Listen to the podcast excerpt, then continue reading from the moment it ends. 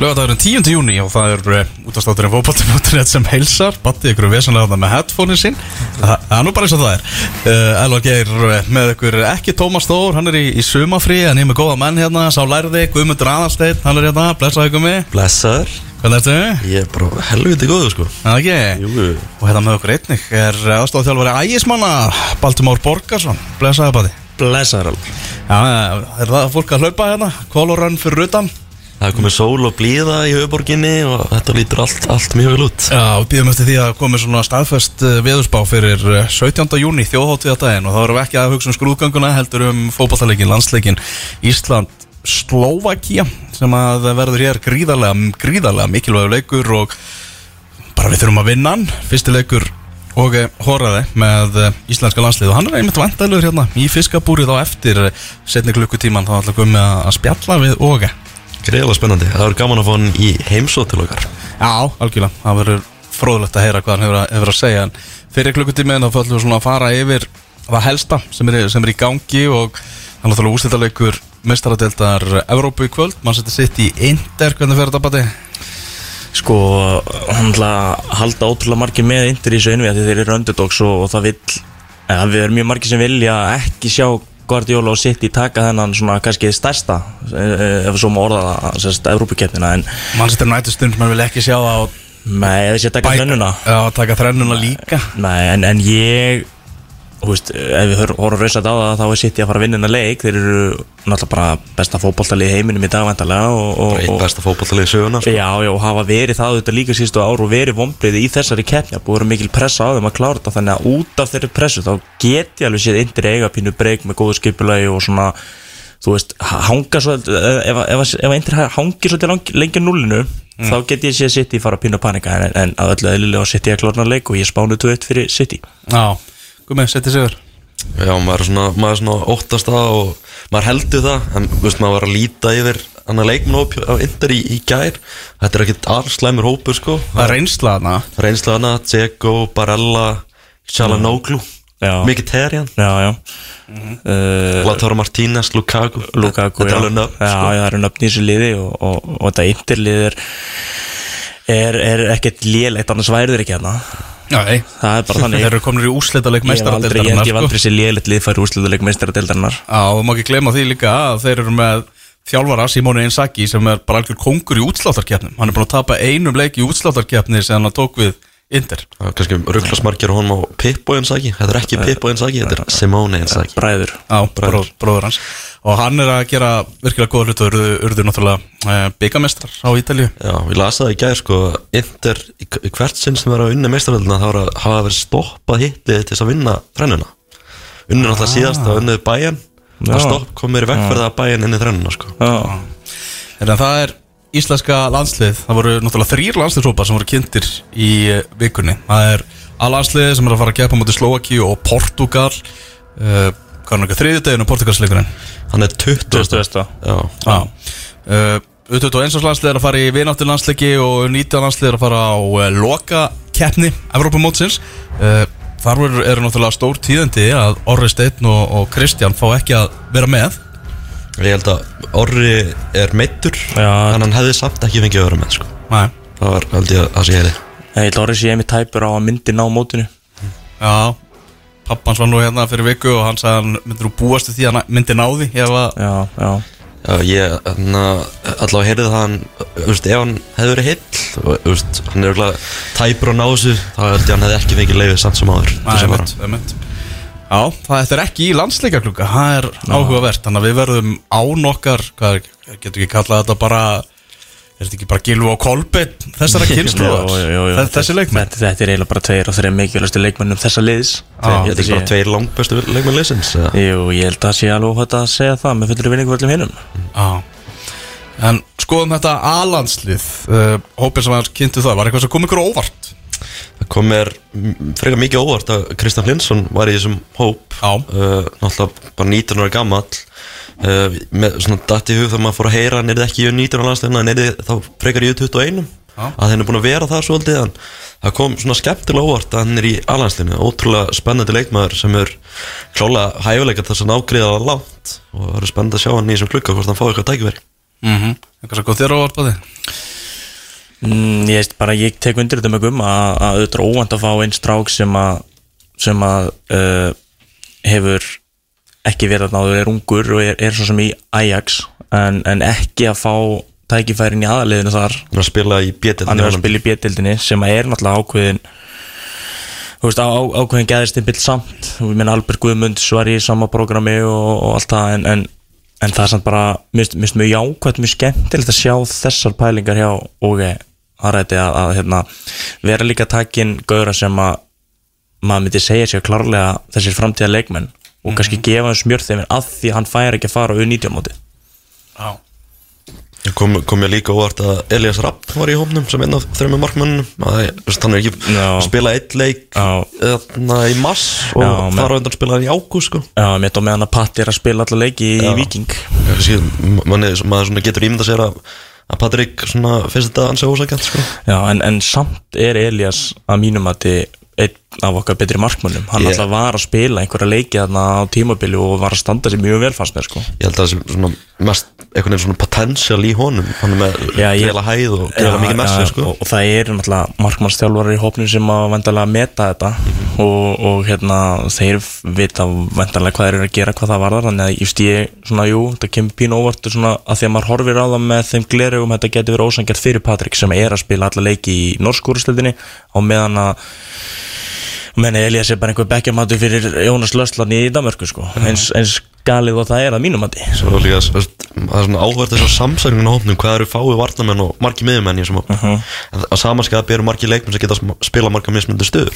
Já, já, þú veist, það eru þetta hægt að, að spila Aron Einari sem hafsend, hann hefur verið að gera það bæði félagslið og landslið undarfarið, það er hægt að, að, að færa Guðlu Viktor nýri vörnina þó svo ég myndi kjósa að hafa hann á miðinni Þú veist, þú horfur á varnalínu núna Davík Kristján alltaf dettur út sem var ánum byrjanleismæður í vinstri Já, bakverði já, já. Getur maður svona ímynda sér að hötta sem fara að spila vinstri bakverðin Já, annarkvort hötti eða þá að hann haldi hötta inni sem hafsend með Sverri og, og noti Valgi Lundal í vinstri bakverði það er eitthvað sem geti gerst Já. og, og Valgi Lundal var, sko, ég held, held að besta tímabil í, í sögu Valgi þó hann, hann sé nú ekki löng er vinstri bakverði í val hann var mm. gerðsannlega stórkustlegu þar En hver er það að fara að spila hægri bakverð?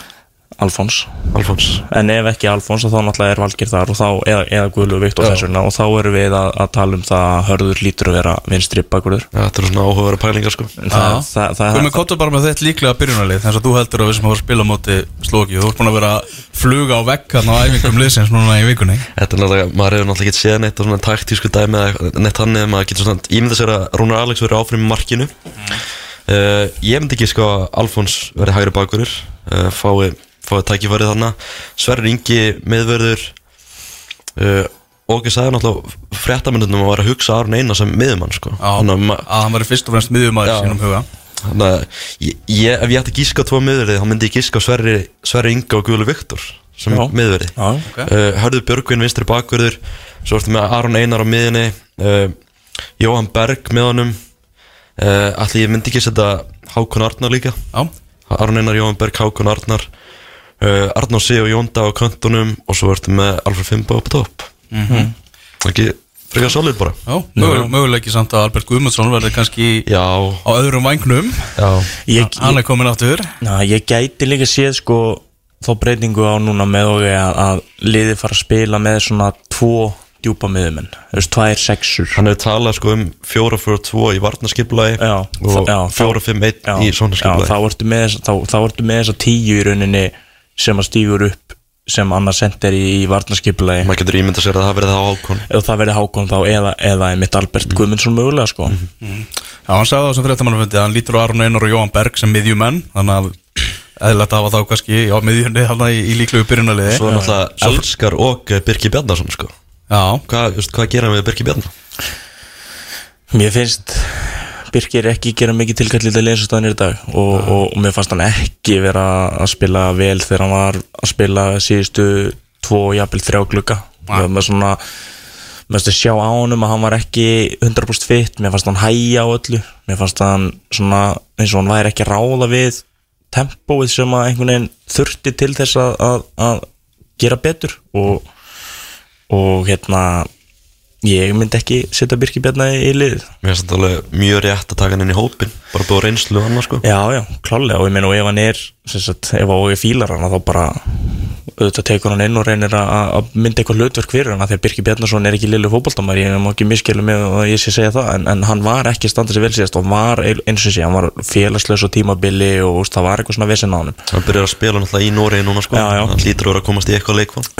Og, og eins og sé, þá vonandi mun, mun hann satt nýtast okkur af því að hæfileikandir eru til staðar og reynslan er náttúrulega gríðaleg Mhm.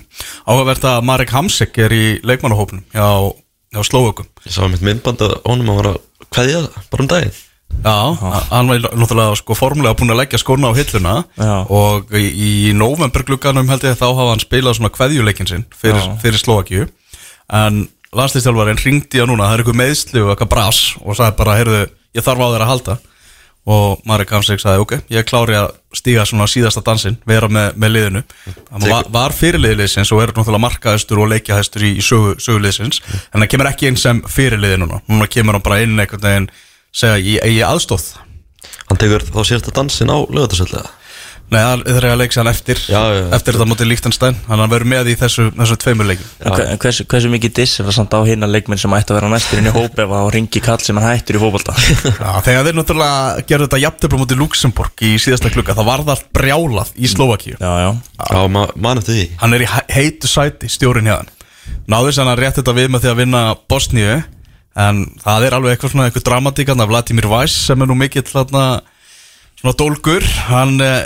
besti leikma er að spi- spila með Slovan Bratislava núna besta liðinu í Slovakíu og hann afþakkaði sæti í hópnum núna. Já, ok. Og það er ekki bara, það er ekki komið fram nánar hvað það er en hann sagði bara nei ég vil ekki, ekki taka þátt í þessu. Það er svona stærsta fjölmjölamáli núna í, í Slovakíu þannig að það er, þetta er, er eldfimt ástand í þessum riðli. Ég mun að við erum búin að láta okkar þjálfar að fara já. þjálfar að skipta í okkur. Já, já. það var all brjálað í Bosníu eftir að þau voru yfir peppar eftir á móti okkur að þau fóru sér á töpuð á móti Slovakum þannig að þetta er, þetta er hita riðl Já, ég meina öll þessi þrjú lið er að horfa á þetta annarsæti sem eitthvað dauða færi á að komast á lokamót, það er bara þannig og þá einhvern veginn myndaru þessa þessa, þessa rosalegu svona eldfimi stemmingu í kringum það um leið og þeir er ekki að takast eitthvað að, að þá bara verður allt vittlist af því að ég held að alla þjóðurnar séu með alveg bila væntingar á að ná þessu sæti. Það er allar þjóðurnar sem horfa á þetta sæti og hugsa herðu við erum besta lið, við eigum að taka þetta sæti. Þannig að þú veist þá ertu komið með þetta svolítið svona eldfima, eldfima scenario þar sem að það má ekki út að bregða það bara verður allt vittlist og vombriðin verður svo mikil. Það er að okkar tveir helstu óvinnir í þessum reyðli eru Slovakia og Bosnia Já, það er bara þannig. Maður búast náttúrulega allir við því að Portugal rullir hennilega yfir þennan, þennan riðil. Það væri nú gaman að koma óvart hérna, taka, taka fjögusti Já. úr þessu glugga. Það verður frábært. Það væri stórkoslegt Erum við hann Ísak Bergmann uh, þú ert búin að vera að spjalla við landsleismennuna gummi og Ísak Bergmann, hann heldur betur lét sína vinnu veitandur í, í Danmörku bara heyra það í, í FCK og bara sagði að það var illa komið fram við sig. Maður sér þetta oft svona leikmenn megi ekki segja allt sem þeir vilja segja þegar þeir eru hjá félagsliðanum sínum. Já, já. svo þegar þeir eru lausir og komnir til landsliðana þá oft koma svona sprengjunar við, í viðtölum við, við leikmenna ég man eftir Gilva á sínum tíma þá skaut hann á Gary Monk þá, þá var þetta stjóra sinn hjá Swansea. Já. og það var einmitt bara leið að komin í landsliðsverkefni og þá hafa félagslið en ekki puttana í viðtölunum sem að fara í. Og að Ísak satt á sér og, og, og þarna koma með þetta fram. Já, algjörlega, þetta var líka gaman að skoða öll viðtölun sem hann fór í. Hann nákvæmlega saman sem hann saði öllum viðtölum sko. Þetta var, þetta var alveg skýr skilabóð um, maður svona hugsar, veist, er hann bara að fara aftur til FC Kaupmannafnar eftir þetta? Verður hann bóðin velkomin til Kaupmannafnar eftir þetta? Já, það er nefnilega málið, minna, þú veist, þó hann sé ekki lengur á vegum félagsins að þá fer þetta viðtala alveg klárlega til Danmerkur og, og, og í danska miðla maður sá að, að tipsbæð okkar menn voru búin að skrifa um þetta sko, Já, og já. þeir voru að leitast eftir kommentum frá FC Kaupmannafn sem bara vildi ekki tjá sig um Nei, þetta sko. nei, þann, þannig að FCK er, er alltaf að fara að fá veður af þessu, þessu viðtali og, og hans orðum, það er alveg klart mál uh, Ísak náttúrulega og Ísak var alveg meðvitaður um það Já, já, Ísak, Ísak, Ísak klárlega með það eins og, eins og Gumi segir hann, hann sagði í rauninni að nákvæmlega sama í öllum viðtölum. Hann ætlaði sér klárlega að sko koma einhverju skilabáðum framfæri út af því hann er ósáttur. Og ég skil líka vel að sé ósáttur. Ég er búin að fylgjast mjög vel með FCK í vettur og ég fór í heimsóndandi í vettur líka og, og svona þekki aðeins til þarna. Og það er, finnst mér mjög svona leiðilegt og kannski bara halvastnulegt hvað eins og hann segir bara honum er alltaf hendi hliðar um leið og eitthvað annað er í bóði en, en svo náttúrulega uh, treystar á hann þegar þeir eru í vandræðum. En, en, en þetta er svona, já, eins og hann tala bara um leiðileg framkoma. Að sama hvernig hann stendur sig þá er ekki fræðilegur séns að hann haldi sætinu ef að, ef að Viktor Claesson, Rasmus Falk uh, William Klem eða, eða hérna eða einhverjir aðrir eru leikværir Það var hann frábæran leikmöndi að AGF um daginn og fekk mikið hrós. Og svo bara beint á bekkin eftir það. Já, einmitt. Veist, en, en þú myndir horfa á það svona kannski með þessu eðlilega þjálfara auga að, að hugsa, heyrðu ok, hann stóð sér vel hann á skilja halda sætinu. En það eru bara aðrir framar í goggunaröðinni hjá Jakob Nýstrúp. Og hann, F-fáingnum og hann er þar lendir líka bara að nota þá fram yfir að því að hann treystir þeim klálega sama hvernig Ísak stendur sig. Og það er ömuleg staða fyrir Ísak að veri og það er líka finnst mér ömuleg staða fyrir FCK að veri að því að Ísak var fyrir þá mjög dýr leikmar á sín tíma. Þeir binda miklu vonum við hann en þeir eru samt ekki veitur en tækifæri sem þeir ætti að gera út frá því að þeir kaupa nýrunni sem endursölufur Er ekki bara þrýsta í gegn skiptum með, með þessu vita? Ég finnst mig grunar það, þetta hlýtur bara eiginlega að vera. Og, og það verður ekkert það verður ekkert erfitt fyrir hann að finna sér lið í Skandinavíð til þess að spila fyrir. Nei. það er ekki, þú veist minna, Nordsjálf var að kaupa bróður hans og, þeir hefðu bóttið á að kaupa Ísak, Ísak er náttúrulega til dæmis leikmað sem fitt inn í þeirra hugmyndafræði að spila þessum ungum önnum og, og, og reyna að selja það af því að, því að Nordsjálfland er bara þessi runni selling profit club sko. Uh, breytingar á þjálfarateiminu hjá íslenska liðinu. Jörgen Lennartsson hann kemur inn hann 58 ára gamall og kemur inn svona sem leikgreinandi og, og samt einhvern veginn svona maður náttúrulega á lögadalsvelli þannig að hann er bara kemur bara inn í teimið er einn af aðstofamönnum hjá, hjá OK Já, ég held að hann sé fáið svona frekar stórt hlutverk og maður sá það svona á báðum þessu æfingum hvað hann er svona, einhvern veginn svona mi- mikið með puttan í öllu. Maður sá til og með sama mikið að tala um Alfred Fimbo svona á fyrir æfingunum sem maður fór á. Hann er mjög hress kall mikið að tala og spjalla við alla. Búin að þjálfa reisastóra klúpa í Skandinavíu. Þannig að þetta er alveg, alveg gaur. Og var- með okkur náttúrulega í danska landsliðinu líka sko. Emmett uh, Fjallar Þorgjesson hann er orðin markverðarþjálfari Rósi Hnappakatið hjá honum. Mm. hann er búin að orðin markmannsþjálfari aðlandslisins, maður var að búast því að kemmi erlendur aðili voru ykkur viðræðar sem ég held að bara, já, bara ekki náðst í gegn. En uh, þannig að Fjallar er, er tekin við, við þessu. En uh, og við hóraði, hann kemur þetta eftir og þá förum við meira í, í landsliði komi og, og ræðum við hann. Förum aðeins í lengju deildina. Deildina þína, Bati Já, þeirra bestu. Já, deildir á festu Þannig að það var náttúrulega leikur í, í gerkvöldi uh, þar sem að þið ægismenn voruð að mæta skaganum og eitt mark sem að leitt þarna dagsinsljós í leiknum og það var bróðir Ísaks Bergmanns, Daniel Ingi Jóhannesson. Já, leikmaður Nordsjálland Já, sem er á leiðin til Nordsjælland 2007 mótel sem að skoraði eina markið í þeim leik eftir, eftir laglega sóknjaðum uh, 16 ára og 67 daga gamall og hann var, hann var yngstur til að skora deildamark fyrir í gær og bætti þar með 34 ára gamalt með Arnars Gunnlaugssonar um mánuð. Hann er núna bæði orðins á yngsti til að leika og skora fyrir skagan. Já, já, og það er engin tilvíðin finnst mér, þetta er, þetta er ótrúlega hæfileika ríkur strákur, ótrúlega góður hópalta og, og það er líka eins og ég sagði engin tilvíðin að, að hann sé að leiðin til Nordsjælland ég, ég var nú þess heiðusnjóðandi að þjálfunarstrák eitt vettur hann þegar ég var upp á Skaga 2015-16 þá sá maður alveg strax eitthvað stemdi með þennan leikmanna þegar hann var að æfa og spila tvö viki þrjú orðu fyrir sig.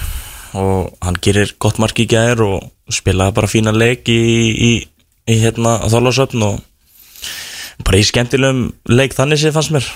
Og, og hérna skagamenn með kærkominn sigur. Já, nöðsilega, Sigur. algjörlega að lífsnöð byrja, byrja að tala um bara jobbið hjá Jón Þóru Haugsinni já, og hérna og svo umræða hún hefur svo, hefði svo sannarlega ekki, ekki minkað ef að ef það hefði ekki tekið þrjústið í gerð nei, sko ég ég hérna, mér langar að koma frá mér að sko það að sjá eftirleik um leiðan flutað af dómarinn hvaða var miklu sko, þungu fargi létt af Jóni Þór Já. í leikslók og hvað þeir fögnuðu svo mikið ég held að það segi manni bara svolítið smá hvers, hvað staðan var honum svört hjá þeim sko, og hjá honum. Af því að það var mér, fannst þess að það væri bara verið að lifta á hann með einhverju 300 kílóum sko, og, og hérna hann var bara þvílíkt ánaður eðlilega. Hann ætla að fara að tala um einhverja aðra þjálfara líka og eitthvað svona, einhver nöfn orðið við þetta starfa og eitthvað svoleiðis sko. Já. það verið að ég myndi að nefna Gústa Gilva, Brynja Björn og mér er svo Óla Jó sem að maður veit svo sem að var aldrei að fara að taka við þessu Nei. þannig að það er, hann var komin klárlega í vonda stöðu og, og eins og ég segi, menn, þeir voru bara því litsattur og, og það var öllu til hjá þeim í gær Siggi Jónsson mættur hann á bekkinn og, og með einhverja stæla að halda á boltanum í, á 90. myndistæðin fyrir að láta einkastana fá hann og það var smá hitt í þessu en, en, en skagamenn eins og ég segi, þú veist. Jón Þór Hauksson fær allavega núna smá andrými en, en þeir þurfa að halda áfram að bæta við sigurum og, og stigum. En var þetta sangat sigur? Já, ég ætlaði að koma að því, ég veist, þetta var svona, jú, jú, ég myndi alveg segja að þetta er sangjart sigur, en, en leikurinn hefði samt geta farið fjögur þrjú fyrir já, skilur, bæðilið fengu fullt af færum, þetta var, mest þetta bara mörguleiti flottur fótballtaleikur og, og svona mín upplifun, ólíkt því sem að ég verið að upplifa kannski síðustu þrjáleiki hjá mínum önum, er að þarna voru tvö góðlega að spila, skæin voru bara flottir. Og, og mér fannst við líka góðir, en þú veist, þegar við höfum verið að tapa fyrir Þór og, og Þrótti og, og hérna Selfossi, þá fannst mér við mittli bara vera ógeðslega lélegt. Já. en, en þú veist, þá erum við líka að tapa 3-1 með því að fá á okkur 2-0 marka 80 og, og svo reyna að henda allir fram til þess að reyna að uh, minka munn nei, jafna leikin og, og fá okkur marki upp á þetta tíma, þannig að við höfum ekki til að tapa leikin neitt rosalega stórt eða samfærandi Nei, það er engi skellur Það er engi, engi skellir og við erum inn í öllu leikjum og, og eins og ég segi, bæðum móti þrótti og selfossi, þá er 1-1 á 80. myndu, fáum okkur mark 2-1, við förum að stíga hærri upp reyna að setja jöfnunamark og þá fáum okkur marki upp á það tíma, þannig að veist, það er runni 2-1 stað í öllum leikjum á 90. mínútu þannig að við höfum ekki verið fá skelli en, en upplifunni gær bara tvö góðliðir að mætast fannst mér og, og skagamenn höfðu betur veist, við fáum dauða færi 83. mínútu held ég að verið þegar Dimi fór í gegn og, og Átni Marno bara lokaði fáranlega vel og hann varði stórkostlega sko en það tækja verið voru til staður en, en innvildi boltin ekki. Já, þeir eru með eitt stygg í, í, í deildinni núna og svona náttúrulega talaðu um ægi bara sem eila fallbis og fóður þegar ægir fyrir náttúrulega óvænt upp eftir að, eftir að kortningir uh, bara hættu, bara hurfu hafa yfir, yfir borðið borði jarðar. Uh, er ekki svona samt svona erfitt að halda mönnum á tánum þegar veist, þetta, þeir eru búin að vera svo svo nálægt í að vera að ná í fleiri stig heldur en þetta eina sem þeir eru konum með? Já, sko inn í, inn í hérna, en sérst, ekki inn í, kle, ekki inn í klefa þegar var verkvall, við vorum sérst í hérna, bara móttökunni á Össaformanni í fyrirtækinas að klæða okkur. Og maður sá það maður sá þeir það gáttu ekki nota klefa nota verkfall Nei, nei, nei, við fengum ekki aðgang, að klefa. Skagamenn fór í styrtu í hverja gerði til leik. Það, það er svo sem an- annar kapli en, en við sátum inni þarna í, í móttökunni eftir leik hjá formanninum uh, sérst hérna í Black Beach Tours fyrirtækinu hans og maður sá það fyrsta skipti þar svona hvað menn voru bara andlega dreinaðir þú veist, menn voru bara það, það menn sátu bara þarna með svona hálfhangandi haus, búnir á því og ótrúlega svektir hafa ekki fengið neitt út úr þessum leiki enn eitt skiptið af því að framistöðan hafa verið góðar, sérstaklega á móti fjölni, Njarvík og, og núna skaganum. Hún var fín á móti þór síðast en, en þær voru ekki góðar á móti nei, sorry, hún var fín á móti þrótti fyrir ekki. Þær voru ekki góðar á móti þór og, og, og hérna þór og selfossi.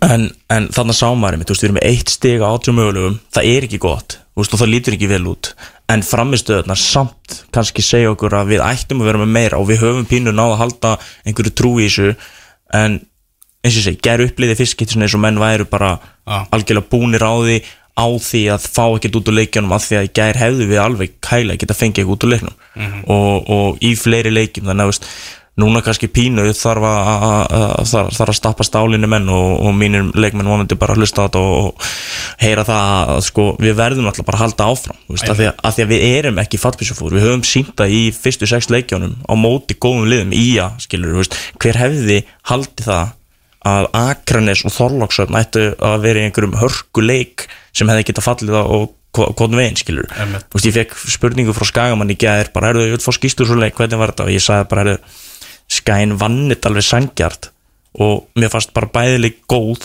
bæðileg voru að standa sér vel.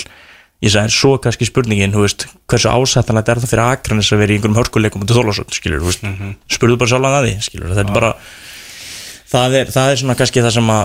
að að hægt er að taka út úr þessu fyrir bæðilið að við vorum í hörku leikamóti ía sem er náttúrulega eitt fornsrætt og ótrúlega stórt fótboltafélag á Íslandi mm. Hvaða lið er, er besta lið í þessari deild? Fjölnir Fjölnir er besta lið? Já, ég, já, ég held að Fjölnir ég held að Fjölnir vinni deildina og ég hef búin að segja fyrir tímabil og, og mér fannst ég líka bara mér finnst ég vera búin að sína ofanáleg sko að þeir þeir rústuðu þór þeir vinna ljótt þeir þurfa að vinna ljótt eins og þeir gerðu í rauninu upp á skaga þar sem að þeir voru konni 2-0 lifir eða 1-0 lifir og bakka, skóra 2-0 og halda bara fram að bakka og þeir voru ekki að reyna að spila móti í upp á skaga því að það var líka bara völlinu lélur og það var erfitt. Þeir voru ekki að taka neina sjensa enda að vinna 2-1 þeir unnu náttúrulega ógeðslega ljótt í þólasöld með viti á 90.70 í bara leik sem þeir áttu frekar að tapa heldur en vinna sko, veist, og þó ég, þó ég segi það sem ægismæður þannig að ég held að þeir séu besta liðdildinni svo þar á eftir koma afturölding Grindavík Finnst finnst þér afturölding var að koma veist, skemmtilega óvart Já, já, að bú- búast við? Já, lang, lang svona skemmtilegast óvart og, og bara ótrúlega góðir maður viss alveg hvað þeir voru góðir á milli tegana, hvað þeir eru góðir í að setja upp reytabolt út um. Fáranlega vel spilandi sko. Já, þú veist, þeir, þeir eru bara ógeðslega góðir í að setja upp reyt bara út um allan völl uh, en það sem að þeir hafa bætt og er kannski engin tilvílun hafa bætt er hversu góðir þeir eru svo inn í tegunum og þar komum við að Rasmus Kristjansen þar komum við að þessum úkrænska markmanni sem að reyndar gerði einhver mistökunda en, en hefur samt verið mjög góður mm. um, þeir sem ég hef séð uh, Arnur Gaut er að taka heilt sísón, tók hann ekki hálft sísóni fyrir að ekki þeir eiga Andra Frey inni uh, Áskei Martinsson er komin inn í, inn í, inn í liði Svo þessi Dana miðunum, ég veist hann mjög góður. Danin á miðinu mjög góður. Bjartur Bjarmi hefur verið koma, koma mjög sterkur inn. Uh, þeir, eru- þeir eru með Bjarnar Pál Linnet veist, þetta er bara, minnst þetta bara ógæslega vel samsett og skemmtilegt lið og, og mér finnst engin tilvílun að þeir sé að standa sér svona vel ég hafði allan tíma að trúa þeim en, en þeir eru samt að standa sér betur en ég átt að vona Það er möguleika því að afturölding verið bestu deildin á næsta ári. Það er bara byllandi möguleiki. Fyllandi möguleika að er en, en, en að því að Maggi náttúrulega var svo aðlána með þessa breytingu þannig að- setja þetta playoff inn hann verður örugglega sá allra súrasti ef hann endar í öðru sett og fer ekki upp. Ég hef rætt það Er þetta Er fjölnir og gróta gerði 2-2 jafntefli í Egilsöllinni 8. júni og fjölnismennur ennþá að spila í Egilsöllinni segi ég sitt um sólarleysið á höfuborgarsvæðinu Glæsilegt skemmti var að skipa þetta sem er mætt, mætt við höfnina. En hann að Grótt elskar jætteflin maður.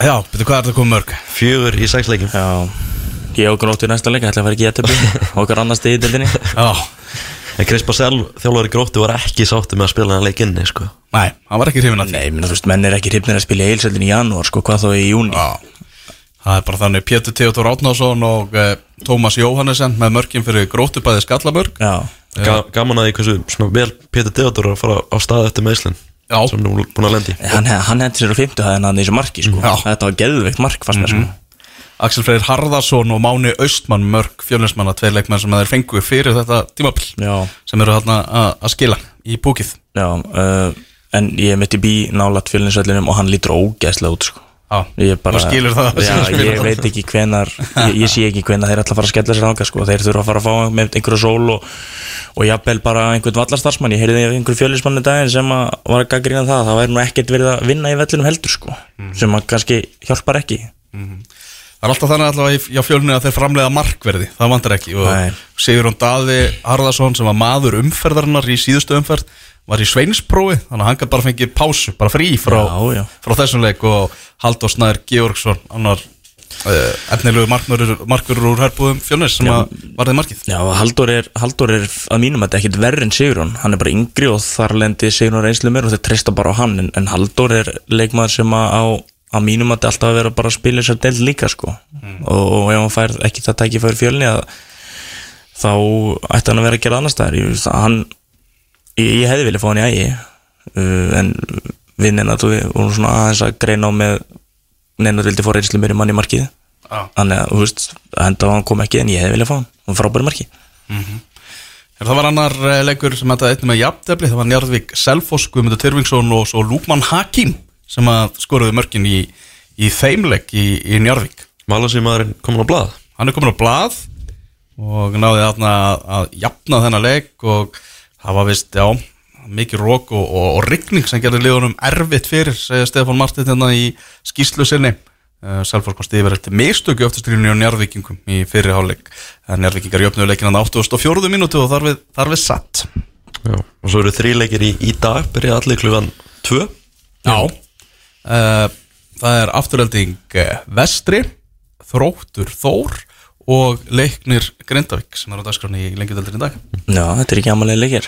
Nei, þetta er sjötta umferð deildarinnar. Ég hugsi skellir mér í Mosó Já, þegar ég er búinn hérna. Já. Þú ert vantilega að fara í breiðaldið eða ekki? Jú, ég er að fara í breiðaltið Held í vonina.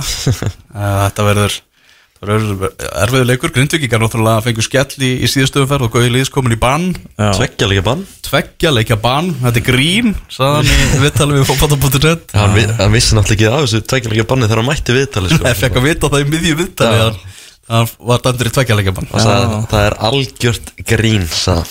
Já, já menn verður bara að passa að vera ekki að flega nefum minna hægri vinstri. Já, já, það er bara þannig. Hann, Við ekki að sjálfur að misti svona svolítið stjórnarskapið sinu Já, ég finn ekki, ég er bara Má maður kalla þetta passion í það, já Já, já, Já, það er bara svolítið hann, hann er bara ástriði fyrir sem hann er að gera og þegar eitthvað gengur illa eða, eða honum fyrst á sig brotið það, þá leita menn oft í einhverjar svona vittlisur og, og menn, á- menn án og séð að verða það líka.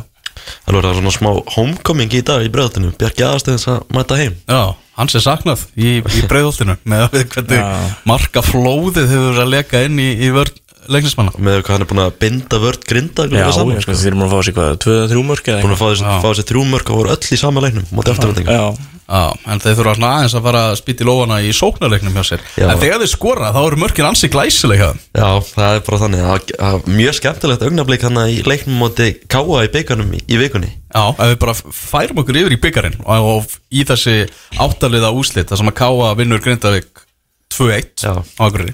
Já, akkurat þannig að augnablikið sér að tala um var Helgi Sigan á hliðalínu og kallaði á Eddi Horvat Hann er aldrei inn í tegi þessi maður Já, ég, einmitt að- kannski önnur annar dæmis ekki tekið Horvat er leikmann sem komin inn á blað hjá ægi fyrir ári síðan að mér minnir þá í annara tildinni og ég get bara sagt það við höfum engan áhuga að fá hann Mm. eftir að hafa skoðað hann og unnið þessa bak, bakgrunnsvinnu og Já.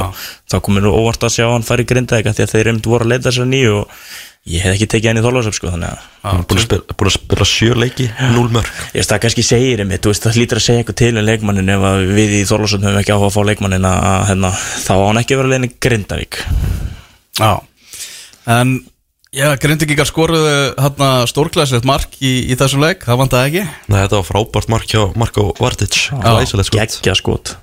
Já, og eh, en þegar á heldinu litið, Sankart Sigur Þú veist, Já, já, veist, en samt einhvern veginn sko, setnáleikurinn Grindavík var mjög góður. Já. Þú veist, talsveit betri en fyrirháleikurinn og, og hérna þú veist, ég hefði alveg þess vegna geta séð Grindavík steli sig sko. Vist, mér fannst þetta bara pínu stefni framleggingu eftir jöfnunamarkið Vist, ég sá þetta ekki endilega í kortum og svo er þetta mark sem að Jakob Snar skorar.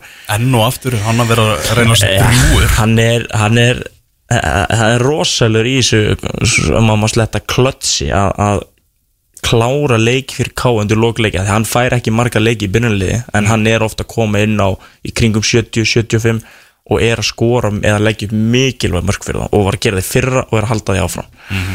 Uh, en hann skorar þetta mark og húst, Dagur finnst mér alveg að geta gert betur í því sko. En, en það er ekkert hægt að setja út og það að að fara áfram. Nei, ég myndi ekki segja að það hafi verið eitthvað, eitthvað rán en ég hefði líka bara viljað sjá framlenging ég vant að var að horfa á þetta og ég elska góða framlengingar eins og ég fekk í Vesturbænum því miður fekk ég ekki víta þar.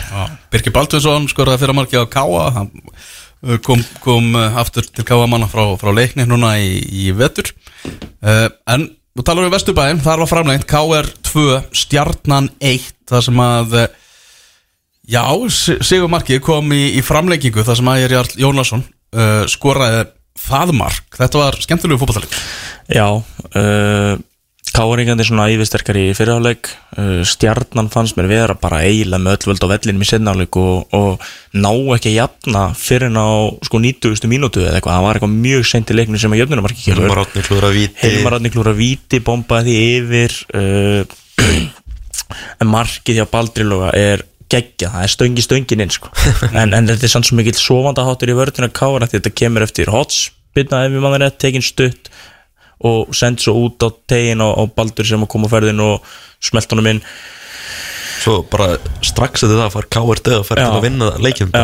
Aron Þórður setja boltan einmitt. Maður skilur samt að hann skulle setja boltan yfir og svo færi Það er boltin skopp og svo skringila hann fyrir hann sko. Já, Maggi Böður ekki búin að fara á, með valdarinn á völlin og, og sletta hann Hann hefði skorað á gerðugrassi hann er 100%, 100 skora að gera þessi uh, en en, en uh, svona framist að hann í framleikingu og, og er mitt að tekur svona kannski það færi hjá Aron Þórði og allt það inn í myndina þá er ekki heldur hægt að endilega setja út á það að Káur hafa færið áfram. Uh, og ég líka vona það smá út af því að það hefur verið hiti í vikingu Káur undarfarið, mikil hiti bæði hvort sem að var byggarni fyrra eða, eða hérna í deltaleikjunum náttúrulega sem allir muni eftir hérna Sölvi þegar söl- þegar- þegar- þegar öll rauðurspjöldin og, og svo líka þegar hérna víta klúrið nei víta, jú víta klúrið kemur á káver og vikingarnir já, unni titilnustan það hafi verið geggjaði leikir og, og ég bara var mjög ánað með að fá þetta matchup af því að við fáum góða leiki sagt í vikingu káver og svo er, er hérna, það er alltaf erfitt að fara norður þó svo manni finnist káa svona að vera ólíklegasta liðið í dag til þess að fara og hyrðina titil. Eins og eins, Þetta var þetta rosalega mikilvæg leikur í Vesturbænum því að bara bæði fyrir Káur og stjórnuna þetta var, bara mög, er möguleiki þeirra að var möguleiki þeirra í Evr að ná Európa Európa-sæti eins og stannir þetta, já, þá, þá er það bara þannig. Og, og hérna voni lifir fyrir rúnar núna ekki, ekki jökul. En er ekki allir horið það að fá breðablik og vikingi úslutuleik og lögalarsöldi Það er draumurinn sko út, frá uh, undanförnum dögum og, og líðandi atbyrðan þá held ég að það vilja allir fá þann leik í, í álöðadarsöllin og, og ég held að það geti orðið met í aðsókn á þeim leik. Ég held að það sé bara klármál bara Lögutarsvöldunum verður bara Ég uppsettur veist, það er náttúrulega spilað í ágúst eða ekki, það er bara vonandi að verði ekki ekki viður og, og Þetta er leikur sem allir hlutlausir fara að líka já, ég er að tala um það. Að, að nú, þú veist, það er allir sem vilja fara að verða vitna þessu, sko, þannig að þess vegna sé ég það alveg fyrir mér að það sé hægt að nota hinastúkuna í, í, í það skipti, sko. Kannski eitt punktur með Káar í þessum leikum stjórnni Finnur Tómas Pálmásson. Besti maður Vallarins. Hann er svona stórkostlegur. Hann er svona að fá smá redemption núna eftir að Káar breytti í þryggjamanöver Já, hann var stórkostlegur í leiknum Mhm. og og alveg áhugavert sem að Rúna Kristján saði viðtalinu við stanga eftir leikina sem hann eða bara svona talar um Finn Tómas eins og við erum búin að ræða um hann. Hann er svona, svolítið, virðist vera svona sveimhugi svolítið ekki alltaf með einbendinguna 100% en sagði bara þegar hann er on þegar hann er gýraður í þetta veist, þá eru bara fáir betri í vörn á Ísland Þá er þetta bara gæði sem á að að vera bara eitthvað stór út í aðurmennsku sko. Já, hann, hann er, hann er stórkostlegur og, og, hefur sínt það, sko hann byrjaði að sína það þegar hann var 18 ára eða eitthvað hvað hann er góður Við munum, veist, munum öll eftir tímabilinu bara hans sem hann átti Já, sem já, hann búin að skaust fram á sjónu sig sko. ég man líka eftir tímabölinu undan sem hann var að lána í þróttu og þróttu tapði ekki leikmenn í vörðinni sko, það var eitthvað algjörst rugl hva, hvernig tölfræðinu þróttu var með hann í liðinu og ekki sko. Það bara finnur, finnur Tómas fókus. Já, hann, hann, þarf að, hann þarf að finna þennan Louis, Luigi fókus. Já virðist þér að finna núna. Já, ég vona að hann sé að gera af því að, af því að hann er eins og við erum að tala um ótrúlega góður hafsend Breiðablик vinnur 3-1 sigur á móti FH í leik þar sem að FH-ingar bara það verður allavega að- að gefa heimu kvíðarsinni það að hann fær þetta lið svo sannarlega til að leggja líf og limi í leikina. Já, ég meina F-lið bara var að vinna alla djöfis í skýta vinnuna fyrir, fyrir sigri í þessum leik. Maður, maður hafði það samt alltaf á tilfunningun í setna áleginum að blíkandi væri að fara að skora sko. Já, já, og sérstaklega eftir að setja gísla og klæmit inn á þarna í hálfleik sko, þú veist, það er svona þú veist, það vantaði þetta ekstra sem að blíkandir hafa að alla jafna, það vantaði það þegar þeir voru ekki inn á vellinum. Og þú veist, mér fannst til dæmis bara Stefán Ingi eiga alveg ofbóðslega slagan leik í þessum leik. Þú veist, hann var að fá sendingar og bara missa boltan frá sér eða ekki að ná að taka með sér veist, fá hann í hælin og það var bara einhverju ruggli sérstaklega í setna áleginum, hann var Já, sko. þannig að, þannig að veist að vantaði þetta sem að Gísli Eðursson kemur með þetta blikali sem er náttúrulega bara gæði sem að ég hugsa engin annar deildinni hafi Aron Jó kannski? Já, samt, þeir eru samt svo ólíki leikmenn þú veist, Aron Jó er ekki að taka boltan og dræfi gegnum þrjá fjóra og allt það sko. Gæta það ekki samt? Mm, Já, jú, jú, einst Aron Jó náttúrulega bara með allt öru leveli hvað var þar yfir sín og sendingagetu og, Já. og, og, í þessar um, umræðu finnst mér líka Theodor Elmar Bjarnason með, með Já, vera, vera með en hann einhvern veginn svona vinnur gegn honum að hann er í talsveit lakara liði en hinnir. Já, já, já, en, en það sem ég er að meina með Gísla þú veist, að hann hann brýtur upp allar miðjur í deildinni á svo einfaldan hátt. Veist, ég sé ekki Daron Jó gera nema þá kannski bara með sending og gísli tekur bolta með sér sko. Hann að bara breytti leiknum og var bara valinn af okkur á fótbolta.net bara bestur í áttalega úsletu byggasins þegar þeir hafa bara spilað setna áleik Já, bara verðskulda. Bara, veist, til dæmis þriðja markið þannig að síðast er neglin í kistuna það var svo ógeðslega vel gert hjá hann Climate líka bara algjörlega stórkost þegar það er komin á sko. Já, bara man, maður skilur eða ekki að þessi gaurar ekki komist í hópa þannig að breyða ekki í einhverja mánuði sko. það er bara þessi, þessi, þetta marka neð sem hún hefur og bara hvernig hann er að slúta mörkun sínum hann er geggjaður, minnst hann geggjaður. Svo þess með líka að verða Rósa Águsti Linsinni hann var mjög dapur í, í fyrirálinu mjög dabur færður hægra meginn í setni Færður hægra með henni setni og var bara eins og nýr maður bara Já, já, var einmitt að bara ráðast vel á, á, hérna, á vörnina og krossunum og búið til hættulega stöður og gott ef hann lagði ekki upp fyrsta marki Jú, minni það. Mér minnir það. Annar já, Mm, Stefán Ingi ekki að finna sig, var ykkur fleiri sem voru svona off hjá blikunum uh, Svona eftir þennan leik þá skilja af hverju Ólafur Stefánsson er ekkert búin að að spila sko. Nei. Mér fannst hann hann nýtti ekki þetta ekki verið Nei, bara svona sendingar og allt annað út af vörninni bara ekki, ekki gott og mér fannst hann ekkert mér fannst líta út eins og hann væri ekki í almennu formi sko. já hann hann er svona allavega ekki í topp leikformi. Nei, Nei, það er klart klárlega ekki og það hjálpar honum ekkit að alltaf svo að fara að stíga inn í lið og spila einhvern rosa mikilvæg leikum mútið F sem að er náttúrulega ekki, træðalegt lið uh, en eins og Gummi veist, hvernig hann var að koma boltanum frá sér uppspilið svona var ekki alveg eins og var ekki tengdur sko. Marga sendingar sérstaklega í fyriráleik sem fóru bara beint út af sko. Já, það svona, það er svona það sem að svona kannski setur mest í manni með hann en ég meina Breiðblik fæs hann bara sér eitt mark í leiknum, það er ekki svona að verið bara eitthvað keilaðan í vörninni. Þó svo hann hafi heldur ekki verið eitthvað stórkostlegu sko. Já, frólægt að sjá leikin í dag þar sem þessi lið mætast í deildinu og þá á, á ég meina- Gummi, þú fórst nú fram á vellinum aða, hvernig leitur hún út? Ég fór, þú veist, ég sá bara inn á miðvöllin mér fannst hann líta heldur vel út. Já, Það- það er hægt að spila þar. Það er hægt að spila góðan fótbolta þar akkurat núna heldur, sko, bara slá hann og hann leit bara mjög vel út. Já, Hann lítur auðvitað betur út en fjölusöldinu já en ég, ég ætla að tippa á bara svona aðeins í framhaldi af umræðana byggarleiknum ég, ég sé ekki fyrir mér að Alexander Helgi byrja deildalegin eftir að hann var líka að mínum að þetta mjög dabur í byggarleiknum Já, sko, breið, Óskar Rapp gerði eitthvað sex breytingar á, á liðinu sínu. Veist, það er leikjálag og allt það. Ég spurði Dóra út í þetta og hann sagði að veist, með að við leikjaprogrammi þrátt fyrir þetta hefði verið deildarleikur þá hefði við verið að rótera liðinu. En ég held að það spilaði náttúrulega inn í þessi liður frá að mætast aftur núna í, í já, deildinni já, sko. já, en Alexander Helgi hefur að mínum að ekki komið vel inn í liðið síðan hann kom aftur frá þú veist, Það vantar upp á. á og sérstaklega með hvað hann var góður hann fyrir út. Að því að maður veit alveg hvað hann getur það, er bara, það vantar eitthvað svona eitthvað takt eða, eða eitthvað, eitthvað kraft í hann sem að svona gerir hann að þeim leikmanni sem hann var. Bara gaman að sjá hvort Climate fá að byrja á eftir Mér finnst hann eða Það byrja hann byrjar 100% Já. Ég held sem bara 100% Já, það kemur í ljós eftir einn og hálfa tíma eða svo. Eru þau þarna vikingar byggar mestararnir þeir fóru norður unnu þar 2-1 sigur á móti baráttuglöðum þósurum þar sem að Helgi Guðjónsson skoraði á fjórðu mínútu fallet mark. Já, mjög gott mark. Og það var síðan Ingimar Arnar Kristjánsson sem er búin að vera á skotskónum 2005 mótel í þósliðinu sem að jafnaði, þetta er spennandi leikmaður. Já, var flottur líka fannst mér að mynda þarna móta okkur í æ, hérna föstu daginn undan. Já, og mættu við manna í mynd á þórsöllinum og Þór er bara með mikið af skemmtilegum og spennandi strákum. Uh, Eru til dæmis Bjarnar Guðjón sem er að fara á já, U19 Bjarni Guðan er einmitt í U19 hófnum það er bara frábæleik maður finnst mér. Ótrúlega, ótrúlega skemmtilegur. Uh, þeir eru með mikið af þessum ungu strákum í liðinu, í kringum reynslu meiri leikmennis og Alexander Má og, og, og svo eru þeir með hann að finskan Harsend og, og Mark Sörensen sem reyndar er meittur en ég er ótrúlega hrifin af þessu projekti sem að lági er með hann í þor þorpinu og, og þeir eru veist, voru ekkert stórkustleiri fyrra enduði í hvað einhverju 8. 9. seti eða eitthvað en, en hérna eru klálega að taka skrefin og veist, þeir eru ekkert að setja eitthvað bilað púður í þetta þannig veist, þeir eru bara treyst á sína stráka og eru bara að reyna að framlega leikmenn sem að ég er mjög hrifin af sko Ari Sigur Pálsson með Sigurmarki í þessum leik annar mark hans á tímabilinu og ekkert náma jákvæmt fyrir vikinga að hann sé svona að matla í gang. Hann á eftir að verða bara stórkostlegur þegar líða fyrir á sumarið. Já, hann verður, hann verður mikilvæg fyrir þá einmitt, þú veist, þegar, þegar mest á reynir, þú veist, þeir eru náttúrulega að fara í þetta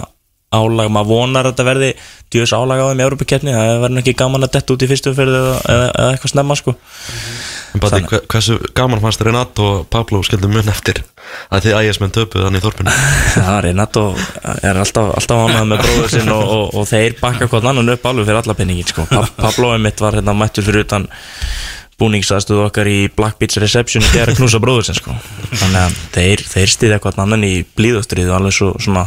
Suður Amerikumönnum sæmir Skemmtileg umali Arnar Gullaugs eftir leikin Já, hann spurður út í blíkaleikin út í þarna klukkuna. Já. voru ekki alveg með klukkuna og reyna eftir leikin eða hálf mínúta? Það voru bara 40 sekundur fram með þér. Arnar grínaðast með það, hann væri búin að reka klukku öðru ég, ég held að þetta að veri Aron Baldun sem að klikka þannig hann er reygin að það fekst í velið Arna Gullugson náttúrulega ekki bann eftir umæli sín á móti, móti uh, eftir breyðabliksleikin þar sem að, já, Klara Bjartmann saði við MBL núna í vikunni að hún hefði ekki vísað þessu til laganefndar vegna þess að svona svo lína hefur verið hjá þeim að þeir eru að vísa því til laganefndar þegar þjálfar er að saka dómara um bara svind Já, og já. hafa vísvitandi dæmt eitthvað rámt eða, Já, já. eða eitthvað slíkt Já, já, sko. að Arnar náttúrulega fer ekki í þann pakka að, að segja hann hafi verið að hægra eða svindla eða, eða hann hafi ekki dæmt víti nei, hérna raut á, á damir af því að, að hann Já. heldur með breyðabliki eða eitthvað og ræðist ekkert á personuna eða neitt Nei. þannig þrátt fyrir að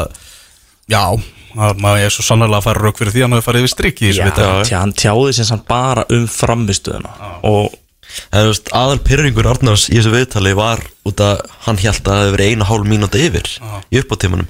Í ljós kemur, það eru bara 40 sekundur yfir, það er ekki marki kemur sem bara þræl eðlilegt. aðal pyrringun raunverulega hjá Arnari var það að liðið hans Já, en, glopra þessari fóristu niður en hann bara lætur reyðina bitna á raungum mann en þú veist, á hann ekki að byggja Ívarar afsökunar á því hversu reyður hann var út af því að veist, reyðin byggist aðalega á miskilningi í viðtalinu, skilur Já, sko, ég, ég held, jú, jú, klálega en ég held samt að, að hann sé, veist, þó hann hafi ekki endilega komið því frá sér í orðum í viðtalinu þá held ég hann sé samt líka mjög reyður yfir einmitt því að Damir fá ekki rautt spjald þegar hann spjaldar Djuric fyrir dífu Mm. Já, já. og þú veist, þeir eru ósáttir með þarna þegar hann stoppar háluleikinn og Djuric er að komast í Hann góða tala líka, stöðu tala líka um það í viðtalinu að Ívar Orri horfi ekki að ennska boltan, hann vildi fá meira hörku í leikin. Já, já, ásett með hversu lítið vikingar komast upp með. En það er alveg greinlegt að það er ekki allir ánægð með það að, að Arnar hafi ekki fengið ref, frekar refsingu fyrir þetta vital en mér finnst það samt bara eiginlega algjör þvættingur að, að vera að kalla eitthvað eftir því að því að Það er einhver pyrringur í því.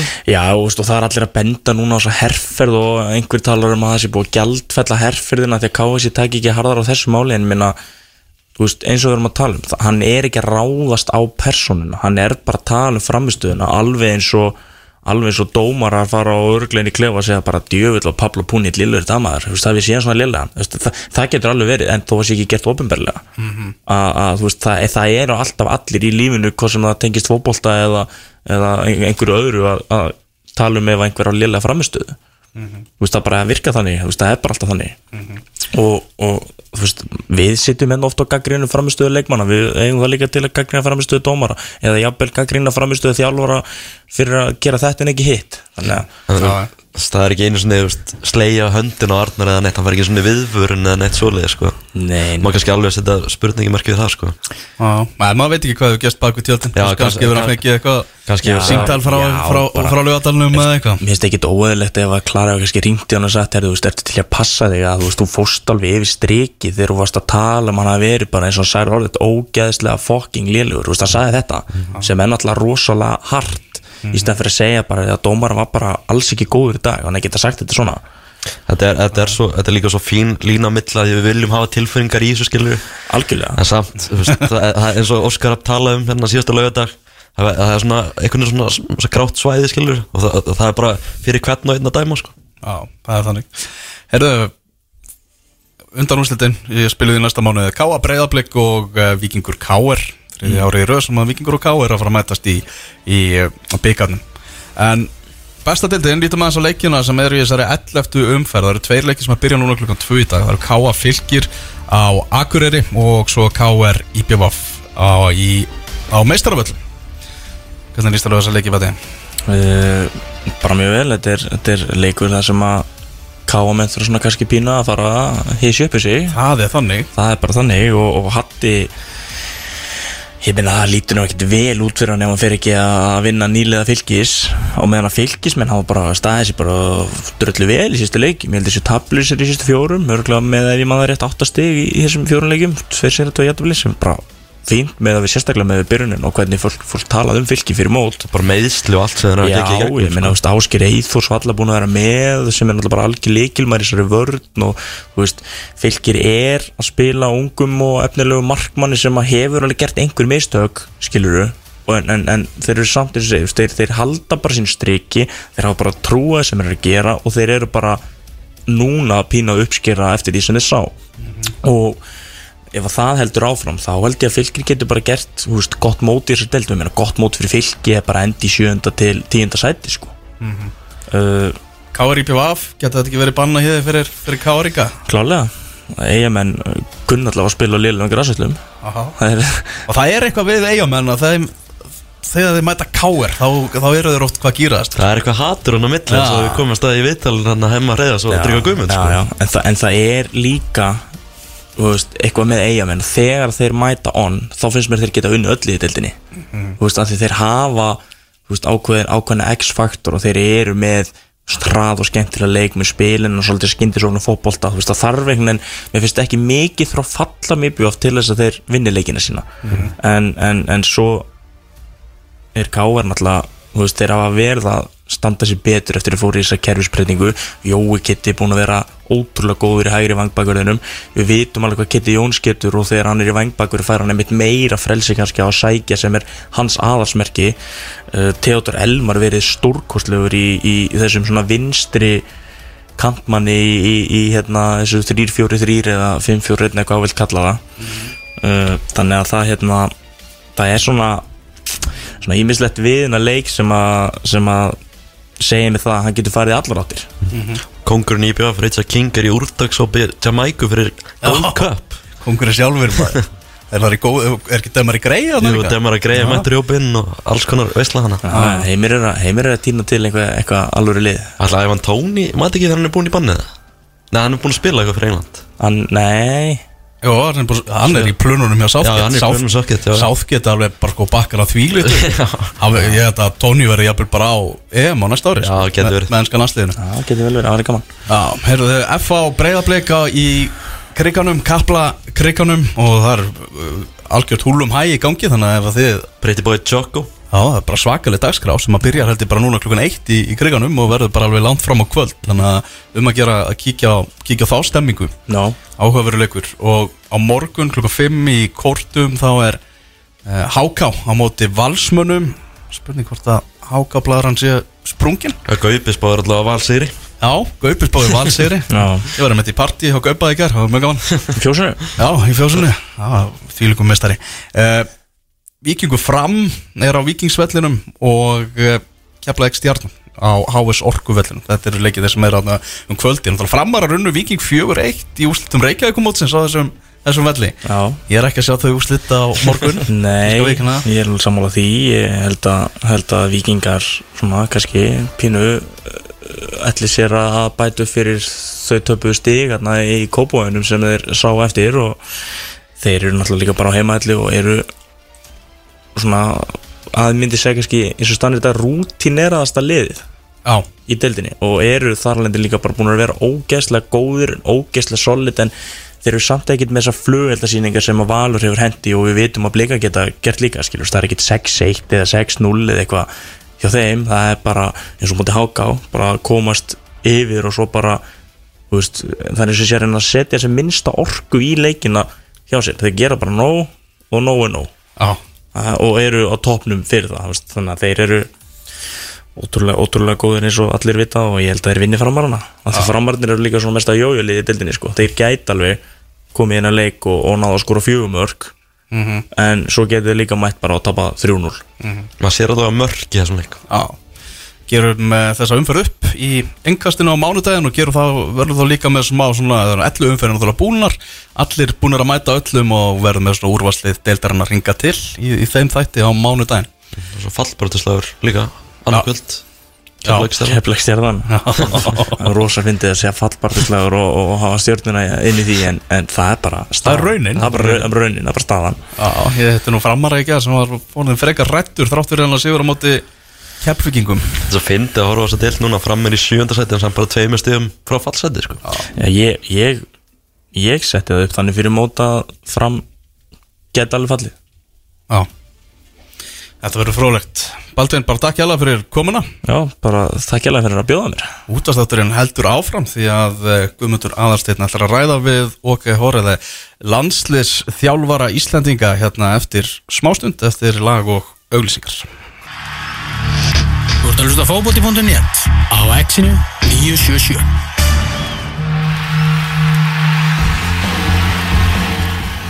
net og Já, það eru komin aftur hérna í útastætnum fókbalti.net og við erum búin að fá frábæran gest í heimsótturlagar landstyrstjálfuran sjálfan og Haræti og við ætlum að skipta þér á ennsku núna Welcome, Åge Thank you. How are you, how are you doing? Fine. And uh, day off today, and uh, waiting for the rest of the boys to come to, to Iceland, and we can start training on Monday. Yeah. You've been in, in Iceland for a for a week now uh, since you, you last came here. Uh, are you are you getting like adjusted to everything uh, the Icelandic way, so to speak? Yeah, absolutely. It's uh, it's not uh, it's, it's about the same as Norway. It's a little bit colder, but uh, I don't worry about the weather. I'm uh, concentrating on the football, and uh, the, everything is fine down at Lagerasvolu. So uh, so that is uh, that is good. hmm The weather here is it's it's really sunny today and, and 10 degrees. Is it is this the the best best weather you've had in Iceland so far? yeah, you can say so. But it's uh, it's it's fine uh, because um, for playing football and for working with football, that's an ideal temperature uh, actually because it, it's not too hot, it's not too cold. So hopefully this day like this, and uh, we look forward to some good days. yeah. Uh, I, I want to do like get to know you better. You're from you're from Norway. You're from a, a pretty small place in, in Norway, right? Yeah, originally I'm born on an island. Um, uh, just on the coast of Norway, west coast of Norway. And I live in Molde, which is a town of 25,000. And uh, I studied there and uh, I got my family there. So I've had my base there. We even have um, been traveling around in uh, the Nordic countries. Uh, as a player, I was in England for three years in Manchester City and Norwich. And uh, and uh, as a coach, I've been in Copenhagen, Oslo with the national team, and um, Denmark's national team, and Malmö and Helsingborg and Trondheim and Rosenborg. So I've been traveling around. hmm As a player, you you started your career with with Molde, and then you, or Hut. Yeah, but Huddersfield is the te- is team on the island where I was born. Uh, they were in the top division uh, those first years. I had made my debut when I was 16 and uh, played uh, up to 20, 21 to uh, to, uh, and then I moved to Molde to study. And I'm educated as like uh, accountant. So uh, so I finished my education before I went to England. I played for Molde before I went to England. I played for Molde and coached Molde after I came back back home. You don't maybe see this today that you know young players that are not maybe educating themselves before their how, how their career. Now that was uh, the case when in Molde was there was uh, in Norway was an amateur football uh, in, in those days, and uh, I was the second professional player from Scandinavia to go to England. And it's uh, there wasn't many many uh, Scandinavian players in England at that time, and later on it's been a lot. And um, but professional football came in the 90s to to Norway. And uh, in my days, I, I had to, or the players had to work or study and play football.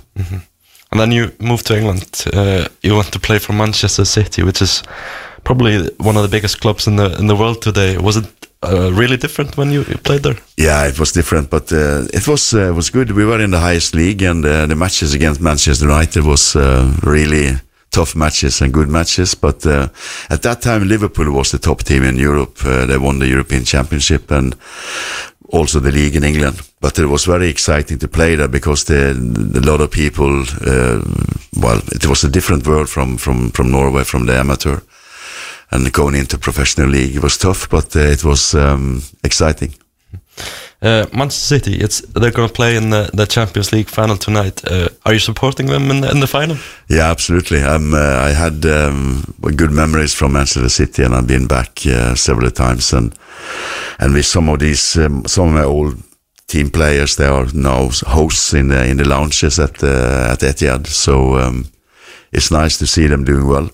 I know they have a lot of criticism because they get money from uh, from uh, the middle Middle East. But uh, I don't know if we if we're going to track down the money into these clubs. You know, we we will have a, a, a tough job because I, I don't know. It's it's it's difficult today with the money and the football because it's divided. Of course, it divides the teams, you know, and the countries because um, the these clubs are able to buy the best players in the world, and they take a little bit of the charm out of the football because uh, football should should be even, but but it has never been even really. So. Um, Small clubs and small nations they suffer more than the, the bigger clubs and the big nations. Uh, the striker for Manchester City, Erling Brot Holland. Uh, he's your he's your fellow countryman. Is it fun to see him play for your old club and, and do so well?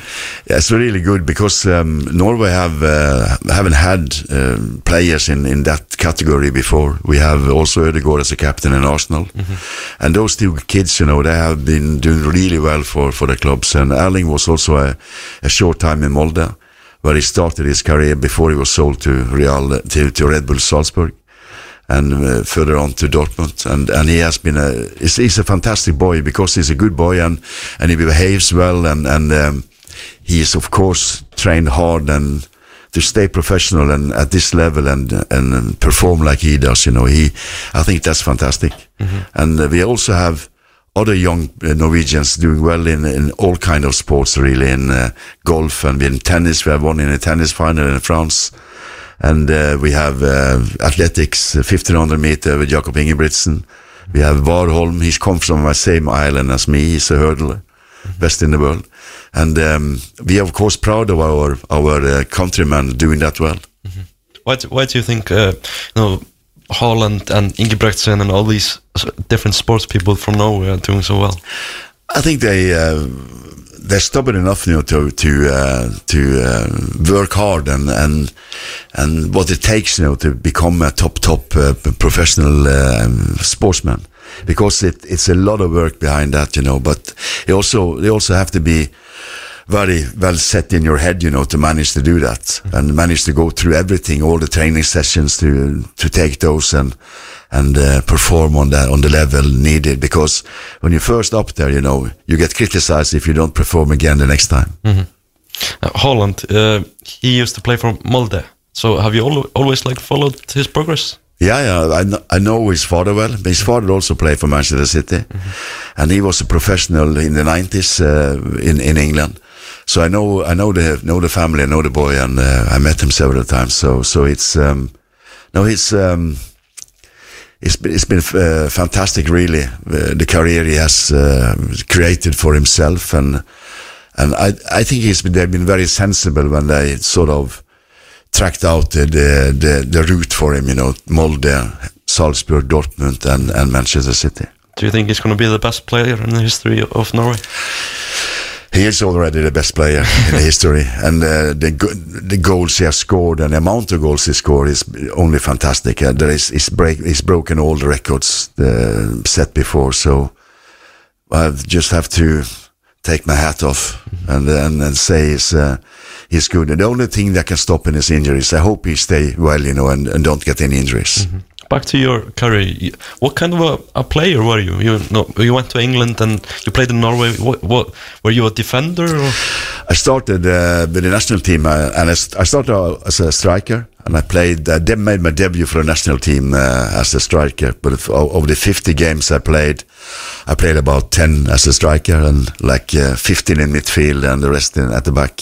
So I was a versatile player, so I could play in all positions, and that's why Manchester City bought me because in those days there were only one substitute, and there was no goalkeeping substitute, so I could do everything from all the way from standing in goal and, and play outside. So so I was a perfect man, number 12, number 12 and, uh, many of these games I had, you know, I was also sitting on the bench uh, waiting to, to play, but there was no tactical substitution in those days. Only when people got injured, they, they, they, changed, they changed. So you played every position except the, the goalkeeping Yeah, position. yeah. I played in every position in England, and uh, I made my debut from the start. Then I was uh, a right midfield player actually. So at Everton against against Everton. So so it's um, that made made me sort of um, I could I could handle it, but I think at the ba- I was the best as a as a centre back at at the back then.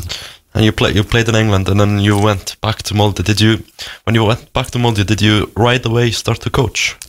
I was uh, after one year. I, I after one year back in eight, I played in '85 and also played for a national team. And in '86 I, I was a player coach for Molde, and I played for the national team and was a player coach. And was a lot of work. I had a full time job on the side, so it was well, you need a wife, you know, who's uh, patient to do that. I was leaving the home in the mornings and came back late and just just to put the kids to bed and have a dinner and, and go to bed myself. So it was it was tough times, but I enjoyed it and I always had a lot of energy. So so that is uh, that was okay. So it, it's a really really different time today because you were playing, coaching, and you had a full time job. Yeah, and it's uh, when we.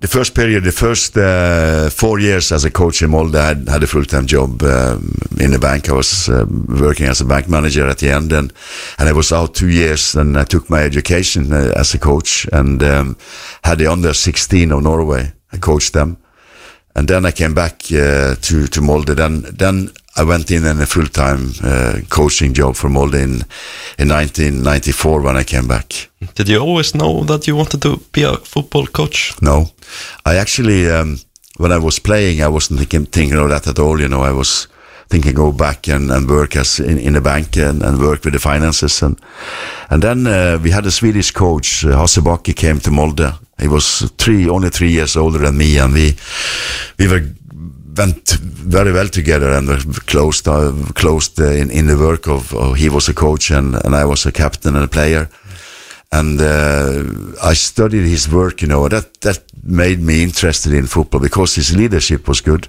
and I always been sort of interested in leadership because the, to manage other people is very very important to get get the job done because you have to do it by, by, by people. So you have to sort of work with the people to get the best out of them, and I, I was always interested in that and. And he was good at that, and and uh, I studied him and his method, and and that uh, br- actually brought me into uh, to to uh, manage and coach football. And then you you started to coach. You started in Molde, and then you went all over Scandinavia. and You coached the, the Nor- Norwegian national team and, and everything. Uh, is there anything from your career like that that stands stands out? Yeah, maybe uh, the late, uh, maybe late in my career, but because I've, I've been lucky having good players and won the championships in in Denmark, Sweden, and Norway, and they won the cup in the, in the countries as well. And so you, when you win a lot, you know, you have to sort of think through what what you why you're winning and how how you're winning, and it's important, you know, to know that football is a game with with very very small mistakes can can lead to to to loss and and um, and defeats. And sometimes, you know, uh, in already 1987, we were fighting for the Norwegian Championship, and that was my last game as a player. As a player coach, I could have won the championship, but I lost in the in the last minutes. In my first year in Sweden, the same thing happened. In the cup in, in '89 uh, in in Norway, it happens again. So I was doubting if I was managed to fulfill and and and, and get a, a trophy, but. Um, you should never give in because you, at the end you will you will succeed if you're close to win. So, uh, but there is a lot of there is this small small mistake can can end up uh, with um, tragedy if you don't uh, know that football is a, is a game that that you, can't control everything. You can prepare it and make it ready to play, and then the players have to perform, and, and it's not always the, all the players can can get their best uh, on the day. So you have to be aware that we're working with human beings, and it's uh, some are some are young and some are experienced, but you have to be aware of the human beings, you know, because human beings will make mistakes. Exactly. Uh, when you took the the Iceland job, we we talked to Kári Otnason, who you coached at, at Malmö, and he praised you praised you highly. He told you told us that you were a, you were a great coach. You were you were always always smiling, but you also had a tougher side. You didn't the players didn't want to cross you. Is that is that something you agree with? Yeah, it was, but it's it's easy to, to coach Kari Arnason because he, he he knew a lot of uh, things himself. You know, position wise, he was very experienced, a very uh, so calm Icelandic boy, you know, because I've been I've been fond of the Icelandic players I had in in the in, in my teams, you know, because they they always give hundred percent. They always they always train. They're strong. They're mentally strong, and and have an enthusiasm uh, which I like, and I can see that on the players now as well. You know, when I come in and see them mixed together, that's how that's why it's so interesting to, to coach Iceland because the Icelandic players are very tight because the islands the islanders here are very tight. You know, it's it's not many of you, and and you're closely connected because. Um, there is uh, one father sitting there, there's another sitting there, there's an uncle there.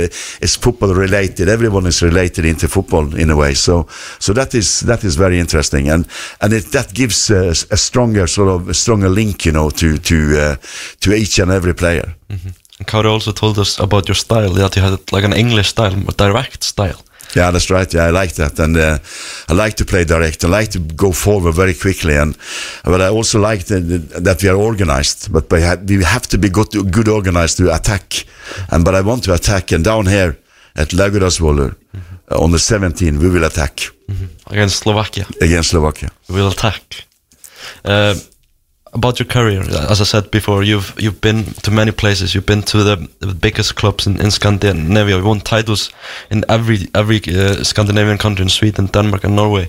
Uh, is there something like? Yeah, do you have any regrets? Uh, something about your career? No, it's uh, football. The, the life goes very quickly. It's uh, it's unbelievable because if I go 25 years back, you know, I, I know I was coaching Ole Gunnar Solskjaer, and we built up a team in Molde with new players, and he was one of these young players. I brought him from a second division club, and I have no, there is no regrets. I was in England a couple of times uh, talking to clubs who, because I was always dreaming of managing an English club and coaching an English club. That was my secret dream. But I was lucky to to coach national teams in, in Norway and Denmark, top teams like Malmö, Brøndby, Rosenborg. So I have no regrets, and, and uh, of course my home team Molde as well. So so it's. Um, it's been uh, I've been lucky. I've been lucky having good players, and uh, because it's not easy for a coach to come into a side if the, if the players don't perform, and if you have a group of players who work together, that is that, then you're lucky, and then it's it's good to go to work every day. And I was thinking when I was walking down to La- Laugardalsvöllur one morning this week, and I was thinking that I was very lucky to come to training and see these players perform and how they play and how they go, go together because that is that is why I'm dragged into football again because I, I, I love football and love to work with people like that you know so I'm looking really forward to the match on, on Saturday Yeah. You're, I think you're the only coach that has won the Swedish top league, the Danish top league, and the Norwegian top league. That Yeah. must, something you must be proud of. yeah it's, it is but uh, as I said I haven't been lucky having good players and, and you get nowhere with, without uh, good players One of those players, as you mentioned, Ole Gunnar Solskjaer.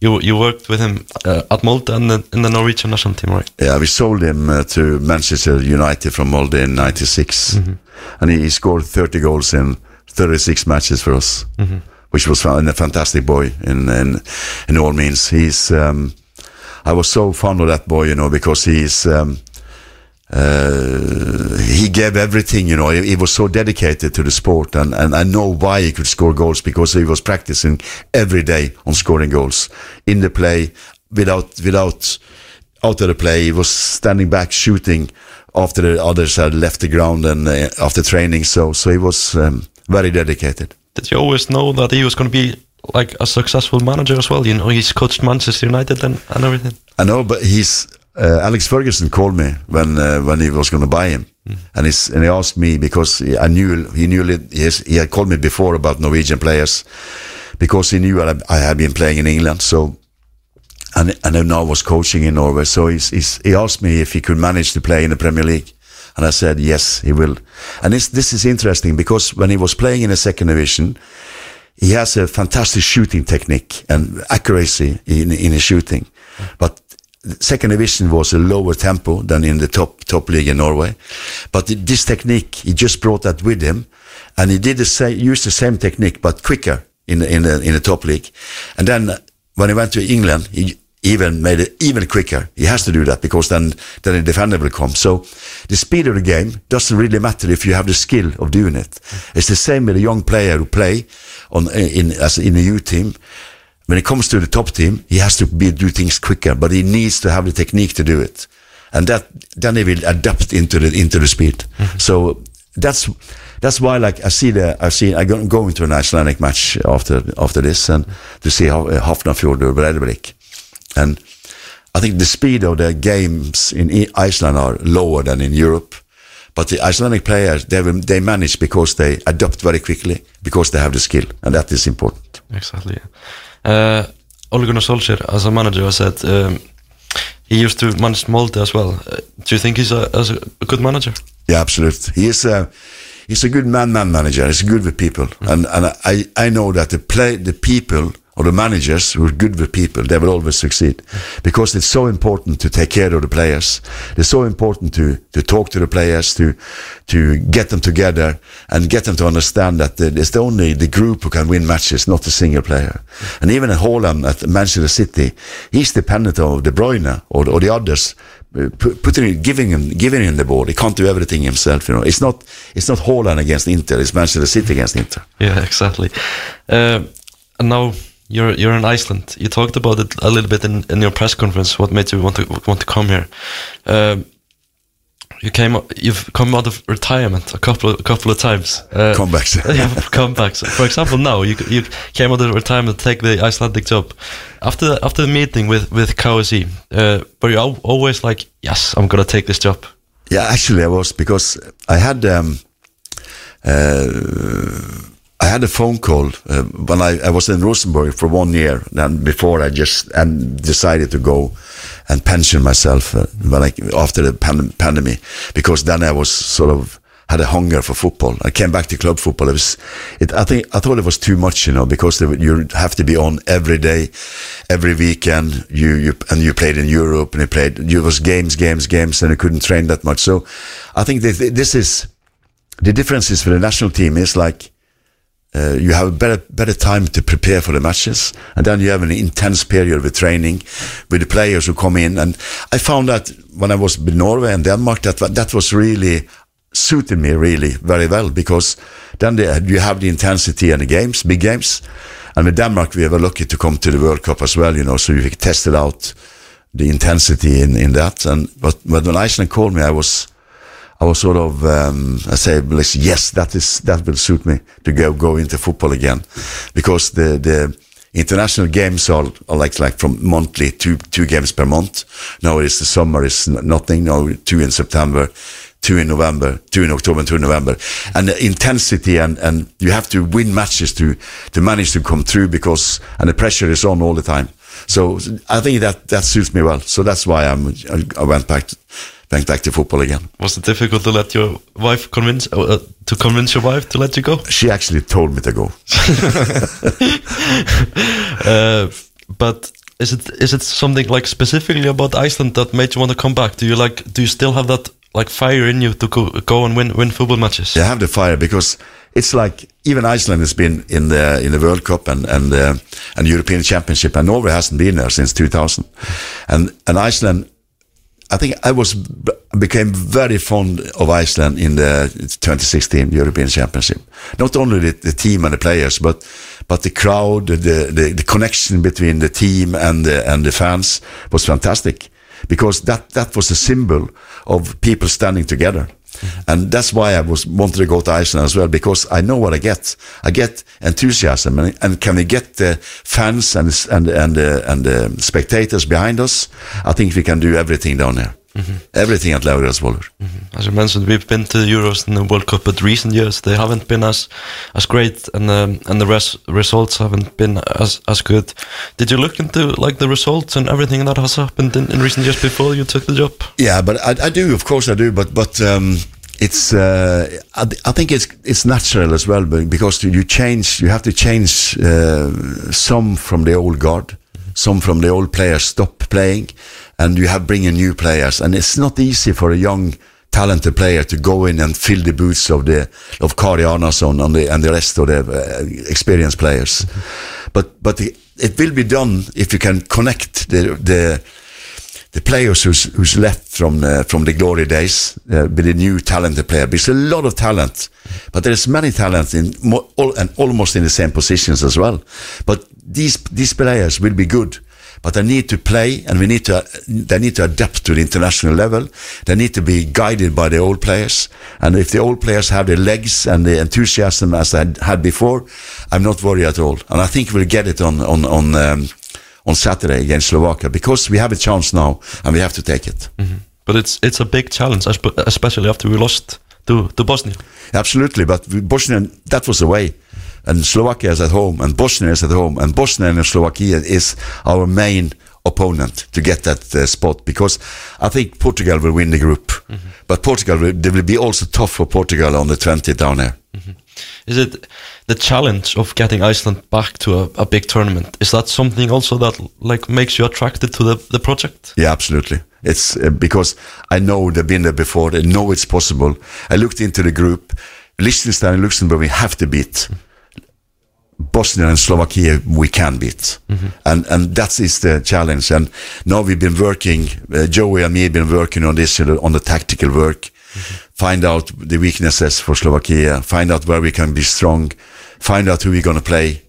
Um, who's is suited to play together. Mm-hmm. That is also important, you know, because we have a lot of talented players, and it depends who is ready on, on the day. You know that that is very very important. What what is like your favorite thing about football that makes you want want to always come back and The game, the game, that- the game, the game, the day of the game, and the game, the ninety minutes itself. You know, it's like um, you go into a, you go into a bubble, so you, you're in there, and you only live for the game, and you you need the excitement of the game, and that's that keeps me fresh. You know, that gets my heart beating, and that you feel you're living. When you're on the sideline in a game, because I love the game, and and that I've been dragged to the game since I was a young boy, you know, because the ball, the football, was my friend, and I, I arranged matches, you know, and I had the ball. I, I was I was a referee, and I was leading the whole thing from early days on because I've been so connected with the football mm-hmm. in, in all my life, and I loved the game. I hated to lose. I was furious in, in training if I lost in training. So I I always been like this, you know. I've been hunting these victories all the time, you know, and I think that's the. Sometimes when I was younger, it was too much. When I was a younger coach as well, it was too much. I think I'm more balanced these days, you know. When I got older, I'm a bit more balanced in the hunger of winning because it's not enough. You have to have a good plan, you know. You have to be smart, and you have to get all the players with you. And if you do that, you win. Do you still hate losing? Yes, I hate losing. Absolutely. I can go mad at the referees, but I don't if they make mistakes. But I know that there's a part of the game, and we should protect the referees, you know, because they have a difficult job, and we have to sort of know their their, their profession, and um, and uh, a good referee is always very very good to have in in, in a team and in in a in a match, but. Um, as coaches and as players, they all they will always do mistakes, and so will we. Mhm, exactly. Uh, Last Lagerbäck, uh, you, you talked about him in your in press conference before. You guys are, are like friends, right? Uh, he he came here and he changed all the culture and he brought us to the the big tournaments. Many people will hope that you can replicate it. Uh, do you think the squad is strong enough to do that again? I hope to get it strong enough. Uh, the many of these players play in, uh, in, in, in at a good level in in Europe, uh, and and um, many of these players have have experience, and I can only hope they still have the legs. I know I know they have the heads, but I still hope they have the legs. The younger players have the legs, but less in their heads, tactical way, and they have to learn that. And and I. I hope that we can getting better, but we need one. We need a good starting result to s- get it everything started. That's the football. You get only better by winning games, because then the, the your confidence come into the side. Everyone get confident that we're good enough. If you lose, th- there there will always be question: Are you good enough? But if you win, we can take that with us and, and perform better on that on a good result. So I I think that we can create a score that is good enough. You you've been to a big tournament before with with Denmark. You went to the the World Cup with them. Do you think that you know helps you? You know how how that experience? Absolutely. It's uh, we all also qualified for the European Championship, but then the pandemic came and and I had to stop. So, so I, I think I know the way of uh, how to do it, and uh, it function in Denmark, but you never guarantee that it will function in Iceland. Uh, in in we have to, as I said, create a good group, and I think we're on our way to do that. And um, the mixture is good, the enthusiasm is good. We have to keep it high all the time, you know, and through Saturday first, and of course on Tuesday. Because Tuesday is a bonus game. It's a pure bonus game. If we win on Saturday, we we're gonna just flow, just float on that one uh, into Tuesday. It's interesting, you know, with Iceland going to two tournaments, uh, but Norway, as you said before, they haven't been to a, a tournament in a in a long time. Why do you think that is? I don't know. I was so close in uh, for the European Championship in 2008, and uh, I still, I've, I always sometimes wake up and remember.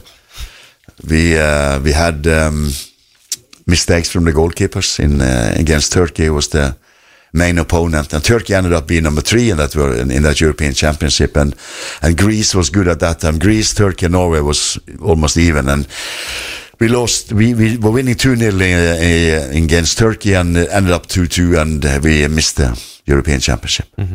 They have to go, go to a tournament now with Ødegaard and, and Holland. They're still struggling. They had- one point from Georgia and then lost in, in Spain, and I have Scotland now won two games, so it could be tough. And the funny thing is that we can end up playing them in a playoff with Nor- against Norway in March. That's, Is, is that going to be weird for you? That's been weird, but uh, I don't think that will happen. I think Norway will come through, and I, I think Iceland will come through as well. Uh, you, as you, you coached Denmark, uh, last national team you coached, uh, and you you made the Euros with them, but you didn't get the the chance to coach them in the Euros. Were you were you disappointed with that? we can't do anything about the, the pandemic. So we came in and wiped over the world. You know, I was in, I was in uh, Milano watching Inter Milan against Milan. Uh, we had Christian Eriksen and Simon Kjær in each team, and uh, in the stands there were seventy thousand. There was probably people with COVID. And I traveled to Valencia and I was 40,000 and I watched Valencia, Celta Vigo. I had two players there. And then back to, Eng- to England, to Leicester. Watched Leicester in a qu- quarterfinal. Up to Amsterdam in a congress. Back to Denmark. And I started reading the papers that was talking about closing down the countries. So I flew back to Norway on the 9th of March and I closed down the country on the 12th. and after that I wasn't out. And it was a strange time because there was nothing happening and my contract ran out and uh, the, the championship was moved to the next year. So so there was nothing I could do really. But uh, it was. It, I was a bit, felt a bit sorry when uh, because playing in Parken with uh, forty thousand packed Parken is a fantastic home ground. So I missed that when I saw it. I, I did, but um, I always been good at putting things behind me. If if um, if I lose a game, I'm I'm angry for 24 hours. Then it's done. Then I finish with it. If I, if uh, I lose the championship, the same thing. If, if you can't manage the, you have to put things behind you. As a person and things in life as well, you know, happens. It happens. It could be good or bad, but you need to put it behind you because then you will nag you for the rest of your life, and it's uh, it can't uh, you can't do that. It's uh, it's only sport. Parking with, with 40,000 people, just imagine Laugardalsvöllur with 10,000 people. Yeah, but it'd be the same. I think it'd be the same if we can show them something. Yeah. If we get the crowd behind us, we get the same enthusiasm from ten thousand. That doesn't matter. It's um, it's um, it's important that we have a full house. That is the most important thing.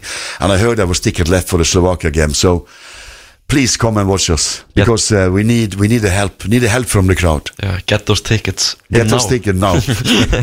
Uh, your staff with the Icelandic team, you brought in a, a Swedish scout, uh, Lennartsson, who you worked with as well in, in Denmark. Uh, are you are you like happy with how your staff is looking now? Yeah, I'm happy. It's um, uh, Jörgen. He uh, he was the uh, U team coach of uh, Helsingborg when I was there in '98. So you've known each other for I a known long him time. for 25 years, Yeah. and and he's been uh, coaching the under 21s of Sweden, and he's been winning with Elfsborg in uh, in Sweden as a, as a championship. He's been at uh, Helsingborg. He's been at Gothenburg. He's been two places in Norway. Uh, he's a very very experienced coach, and he knows me and he knows what I'm looking for. So that's why I used him in Denmark. He, he traveled around in Russia watching the games against our oppo- op- op- opposition in in the group, and uh, he's a good guy. So uh, I trust him to to watch. But today we have so much technical stuff as well. But I want to have a man who can see the whole picture on on the site when, and he's going to have his eyes on Bosnian mostly because we had already already seen a lot of Portugal, but Bos- uh, Bosnian I don't have a some clear picture of Bosnian. Bosnian, so so he's going to mainly follow Bosnian before the September games. And of course, a little bit of Portugal. We're coming back for before, to the Portugal game. Um, so that's one of the reasons. Joey is, is the assistant. He is very, very hardworking, and he's um, and he's uh, he has played on on a high level. He has played for Iceland, and I like to have uh, assistant to have that background. I had that in Denmark as well with Jon Dahl Thomassen, and it's it's important for me to have people who know the organization, who know the people better than me, so he, he can give me advice that that way. And uh, the rest, the doctor, the physios, top top folk, top folk, top people. Uh, we have uh, the goalkeeping coach from Hafnarfjordur is coming in as as a goalkeeping coach. He's a good man, and he, uh, I think the goalkeepers are happy with him. And uh, so so um, everything. The ground is good. But you have to praise the groundsman because he's done a fantastic job with with Wuller. I was surprised when I came and saw the, the ground was so good. So that is important as well. So everything, everything looks uh, ready and well. You picked your first squads and uh, first squad, and you have had your first trainings and, and meetings and everything. Are you you know happy with what you've seen from the, the players so far? Absolutely, I'm very happy, and um, I actually I had- no, have a, take a closer look on them. They um, some of them are even better than, than I thought. Actually, with the ball, good on the ball. They dare to play. They want to play. So um, and uh, they some of these players play on uh, places that um, you need uh, you need to be brave. You need to be brave to play in Greece in top teams in Greece. You know because of the not because of the the play the football, but uh, the surroundings and the pressure is on people who playing in these clubs. You know. Uh, Johan has been promoted by Burnley. I saw his last game against Blackburn, and um, he is on a good place now, playing in Premier League. Uh, Aron, uh, it doesn't matter where Aron's playing. He's got a big heart, you know. His heart is is uh, is Icelandic, absolutely. So um, it's good, and uh, the experienced players are are fit and well, and the younger younger ones that had good experiences in the in the teams in in Europe. So I'm looking forward to um, to the game. So you say that some of the players have maybe surprised you. Uh, Albert Guimarsson, people in Iceland love to talk about Albert Guimarsson. Have you been impressed by him? Absolutely, but I, when I first saw him, I, I, know him from Alkmaar, from Aset Alkmaar, from uh, because I was I was traveling a lot to, to Holland when I had Denmark because they had Danish players based in, in Holland. So I saw a lot of matches. I saw matches with Aset when Albert were playing there, and uh, it could be up and down, but he's technical, he's, he's skillful player, very skillful player, and in Genoa he's done really well, also scoring goals, but he's unpredictable, and I like that because that's what football is unpredictable, and you don't know what he's going to do. And the defender likes doesn't like that. You know, he can go both ways. He can turn, he can shoot, and he's a clever boy. And and uh, I like his style. Do you see, see a position for him in the team? What position is, is the best for him? Uh, He's got to have a position, but I won't say anything about what position. No, he's been been rumored to AC Milan, so there is there is big quality there. That is big quality, and I, I talked to him uh, about moving as well. You know, so he told me about the well, normally it's the agent who does do these things, and I don't interfere with that. You know, I only call call the players and talk to them when I have new addresses, so I can visit them. So what we do when when these two games are finished, we get an analysis analyzer to to pick out every player what he has been doing in this these two games, and I visit the players and we have an evaluation of of his of his job for Iceland, and he looks at things he can do better, things he, he's already doing well.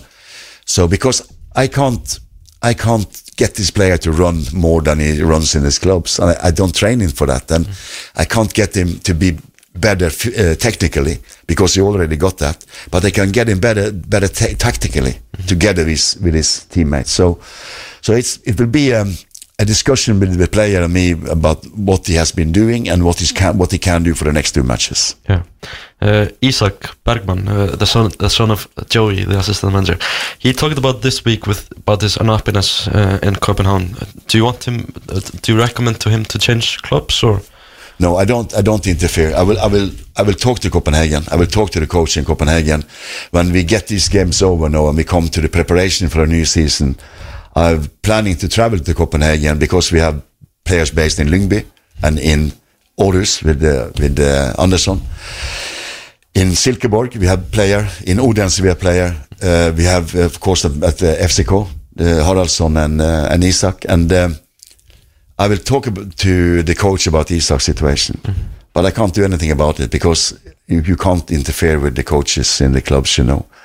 But the, the club and the player has to find out all these things themselves. Isaac, you know, he's a he's a really exciting player. He's a very good player, and I know that he's he's unhappy of not being playing. Mm-hmm. All the players are unha- unhappy if they don't play, mm-hmm. and especially young players need to play to develop. So hopefully they find a solution on that. You know, he can. I think he's good enough to play for for uh, uh, Copenhagen. I saw him already when he was playing for Norrköping, and he did really well there. You know, in, in Denmark, you had you had Christian Eriksen uh, as a kind of the star player. In recent years, we've we've had um, Gylfi Sigurðsson as a as a star player, and you've you've talked about him before. Uh, and you had you had a had a meeting with him. Uh, do you know if he has any plans to like come back to football? Is he is he like training, or do you know that? No, I, I don't know that because he, he's been is is physical fit.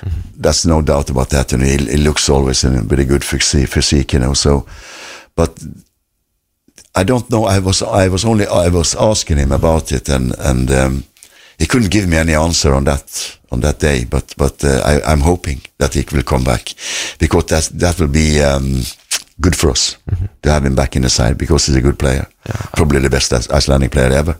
And um, it's um, but he has to find out those things himself. You know, he's been through hell uh, a couple of years now, and he has to find out uh, where to play and if he, if he will play. And uh, we have to leave it that with him, you know. And and um, hopefully, I'm hoping that he can be ready for the the autumn. for the September and October Yeah. window. Yeah. Uh, I heard you were talking about him as like one of your favorite Nordic players at the time. Do you like maybe see similarities with him and, and Ericsson? Yeah, absolutely.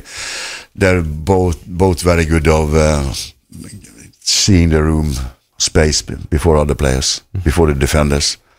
Uh, my first game as a coach for Denmark was against Iceland. We won two one, but uh, uh, scored, and he is good finishing. He's a technically gifted players, big, large working capacity. So uh, and he's a nice man, and and uh, I hope hope that uh, he will come back. I think that will be give us a boost. Yeah, hopefully. Uh, as as we talked about Slovakia and, and Portugal coming up, uh, we in the media we're we're always like thinking about how is he going to line up? How is he? How will the starting eleven be? Have you have you picked the starting eleven for the Slovakia game?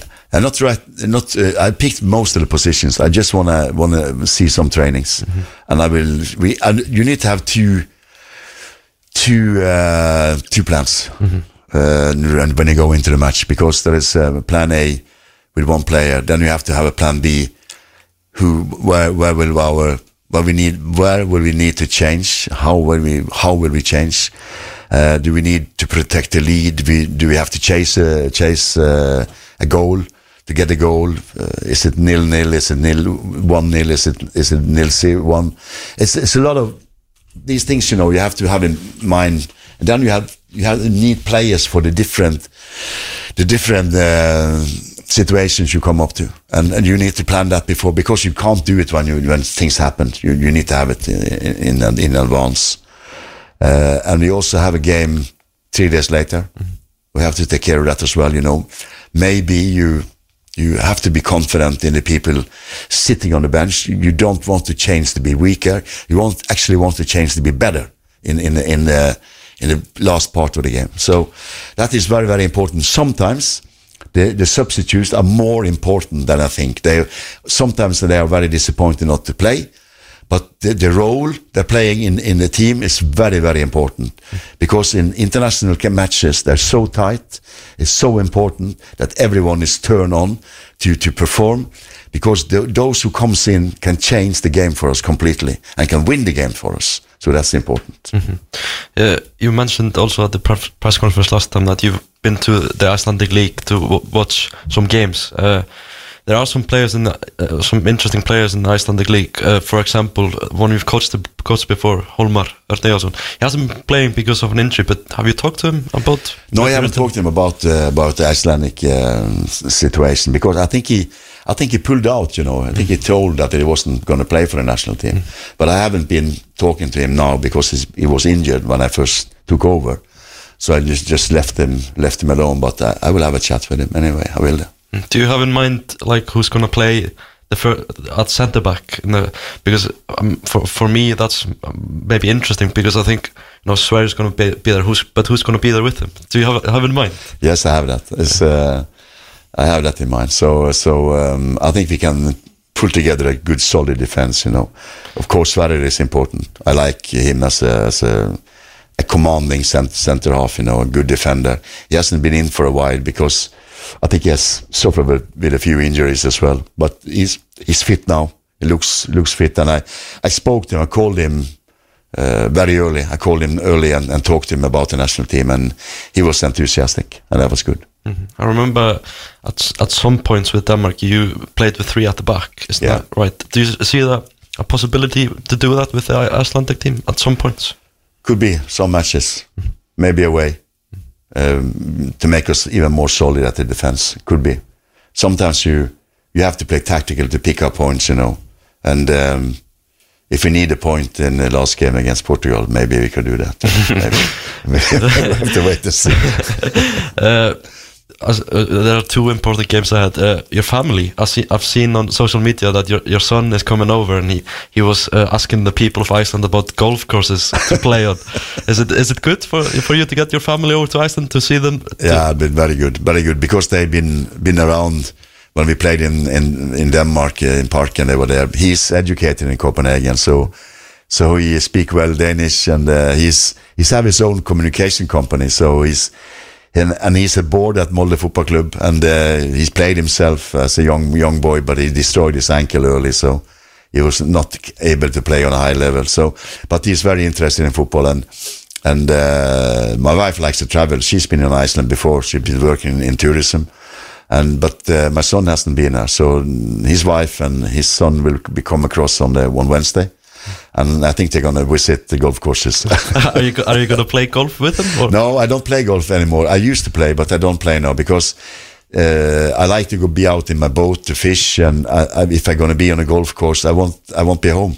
So um, I have to choose. So I drop the golf and uh, go fishing. So you go of- you go fishing. That's your, your favorite hobby. That's my favorite. My favorite. I like to be out in a boat. Uh, I I like to fish and uh, and uh, I like to be at the sea. I like the sea.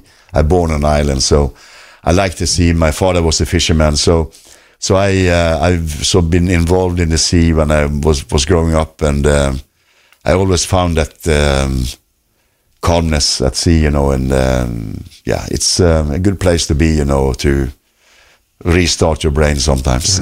I heard you were, you were talking in another on another interview about your dad that he used to fish around the, the seas of Iceland. Yeah. So there's a, a connection to the country there. Absolutely, and I've been connected because I remember when when uh, my father left in the summer, they went uh, up north to Iceland, Isafjordur and and Siglafjordur, and uh, they were fishing herring, and they put it into barrels, you know, and came back with salted salted herring, and uh, that was the Iceland fishery. That was the called those days, and and he was in uh, he was also in the in the ice. Uh, uh, shooting seals, and that was the, the living on, on the island, cod fishing in Greenland and Newfoundland. So he was away. I, I saw him twice a year. So uh, in my upbringing, so uh, I had the football. That was my mother. She was my football. Uh, the, my DNA is from from her. Had you been to before you took this job? Had you been to Iceland a lot of times? Before? Yeah, yeah, a lot of times. I was, I was down at Lagerasvolur in 1977 with Norway. We lost to Iceland 2-1. Really? It was a terrible match from, from our side. I played down there when uh, I, I, I was playing forward and I played against uh, Johannes Evaldsson, he played for Celtic. Yeah, yeah, yeah. He was a big, strong center half. And his brother was playing in Germany. He was Yeah, a good, Atle, really yeah. good player, Atle Evaldsson. And um, and I've been there with Bremby in the ch- uh, Champions League qualification against uh, Kovar. Uh, I'm, I've been there with Rosenborg, with Hafnarfjordur. I've been there with, on a sponsor trip with uh, with sponsor Norwegian sponsor once. I was we were driving into the the waterfalls and the geysers from Reykjavik and into it was fantastic. The scenery was uh, beautiful, and uh, I think my my, wife and um, uh, my son, will go up there as well because it's it's spectacular. It's uh, it's like my little uh, grandson. He's talking about volcanoes all the time now. So, so, so I hope they don't want to have any outbreaks. so, so, but it's it's fascinating, and uh, and Ireland, Iceland is very popular in in Norway, and we uh, have a lot of Icelandic uh, people in Norway, and. Um, we know what we get when we have uh, it's, it's it's the attitude. I know it's attitude of the people there. You know, it's uh, I always think of that. It's um, it's people who's um, who knows that uh, that knows how to work. It's it's uh, very very important. There's a lot of like positivity around around you and uh, disappointment, and one of like the positive things that I think is that you're gonna go and, and speak to the supporters at, Yeah, yeah, at the yeah, bar before yeah, the game. Yeah, yeah. And I asked Lars about that, and he did it.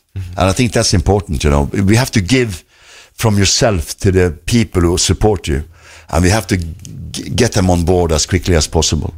And we have to g- give them the, all the positiveness we have and all the expectations we have before the game. And I know that they, they will like that because uh, they, they, I give them the team, you know, how we want to play and how we will, our outlook will be, so they can go in and, and just tell them, be behind us, be behind the players, and especially the young players to give them a good sort of um, a good time down here, so they feel when they play for the country that uh, every, everybody is behind them. Because I think they feel more pressure than, than the older boys because they're more used to it. The younger uh, players they feel they have to perform when they're in the national team of Iceland. Do you see yourself like coaching Iceland? You, I know you have a contract out this qualification. Do you see yourself co- coaching Iceland for a longer time? Yeah, why not? But first of all, we have to uh, get through this year. Yeah. and then we have, then we can plan for the for the future. But but it, when you're sitting here now, it's like uh, from the per time you you sign the, the contract up to now, it's like a honeymoon because everybody expect we have to build up expectations. Then it's the games, you know, which is uh, fascinating because that will decide everything for the for the autumn, and it's so important because we only got eight games, and it's a league of eight games. It's nothing, you know. It's like Every every game is a final. every game is a final, and that is fascinating. But that also is the international football and the national and national team football. That is why it's so tough to get in. But you have to be there every every time you have a chance to collect points. You have to be there. I forgot to ask you before. Were you ever close to taking over like an English team, coaching an English team? Yeah, I, actually, I was. I could have coached. Uh, I could have coached Southampton. They were in the championship in 2007, and I, when I left Rosenborg for the national team of Norway, I broke the contract. I had signed a contract for three years for Rosenborg, and uh, I have to, have they have to pay me out of the contract. It was hell. It was they were disappointed. I understand that, but I wanted to train Norway, and. I didn't want to do the same again. Yeah. I, I had still had a contract with Norway out 2008, and I didn't want to break the contract. So has the situation been different? It's it's always it's not a good timing because I what I did was to go from signing two years contracts instead of three years contracts. I- Yeah. I, feel that is better, you know. Then you then you can time your career in a better way. Final Loga, uh, beautiful day out today. What are you gonna do on your on your day off? Uh, after I finish with you, I uh, gonna travel to uh, Hafnarfjordur Yeah. to watch Hafnarfjordur Breidablik. Uh, I have a lot of questions from Norwegian teams about players and uh, how the uh, players in all sides, you know, and uh, they phoned me. So I, I just uh, not for my only my own sake of seeing the best players who, who's on Iceland. So, so I can, I'm orientated on the Icelandic player regarding the national team, but also if somebody looking for players, I can always uh, give them my opinion about the player. Have you seen these teams play before? Yeah, I saw them play the opposite, the cup, the Yeah, cup yeah. match. Yeah, you went to the cup match. Yeah, and I Yes. saw the cup match. It's a good match. Yeah, it was a was an exciting match. Yeah. Yeah. it was a good match, and Breivik changed everything when um, Gisle Erofsson came on, and uh, his uh, his drib- dribbling rate on the on the last goal was fantastic. Yeah. and uh, he's a, quite a good player. Yeah, he's quite a good player. Yeah, absolutely. Any any final message to the maybe to the supporters? To the supporters, uh, that will only be come and help us. We will absolutely do our utmost to uh, to win the game, but we need your help. Exactly. Thank you so much, Oge, for com- coming and, and speaking to us, and, and the best best of luck. I hope you help us qualify for the for the Euros. Yeah, I will uh, will do our best. Yeah. Thank you so much, and, Thank and you. good luck. Thank you. Heldur betur áhugavert við talarna við landsinstilvara Íslands en þættinum er þá bara lokið. Komið Já. Við erum með aftur að, eftir, eftir viku á þjóðháttíða deginum á sjálfum leikdegi Ég og Benedikt Bóas. Verðum þá við, við stjórnvölinn fá til okkar góða gesti. Þannig að við bara þökkum fyrir hlusturinn í dag. Áfram Ísland. Áfram Ísland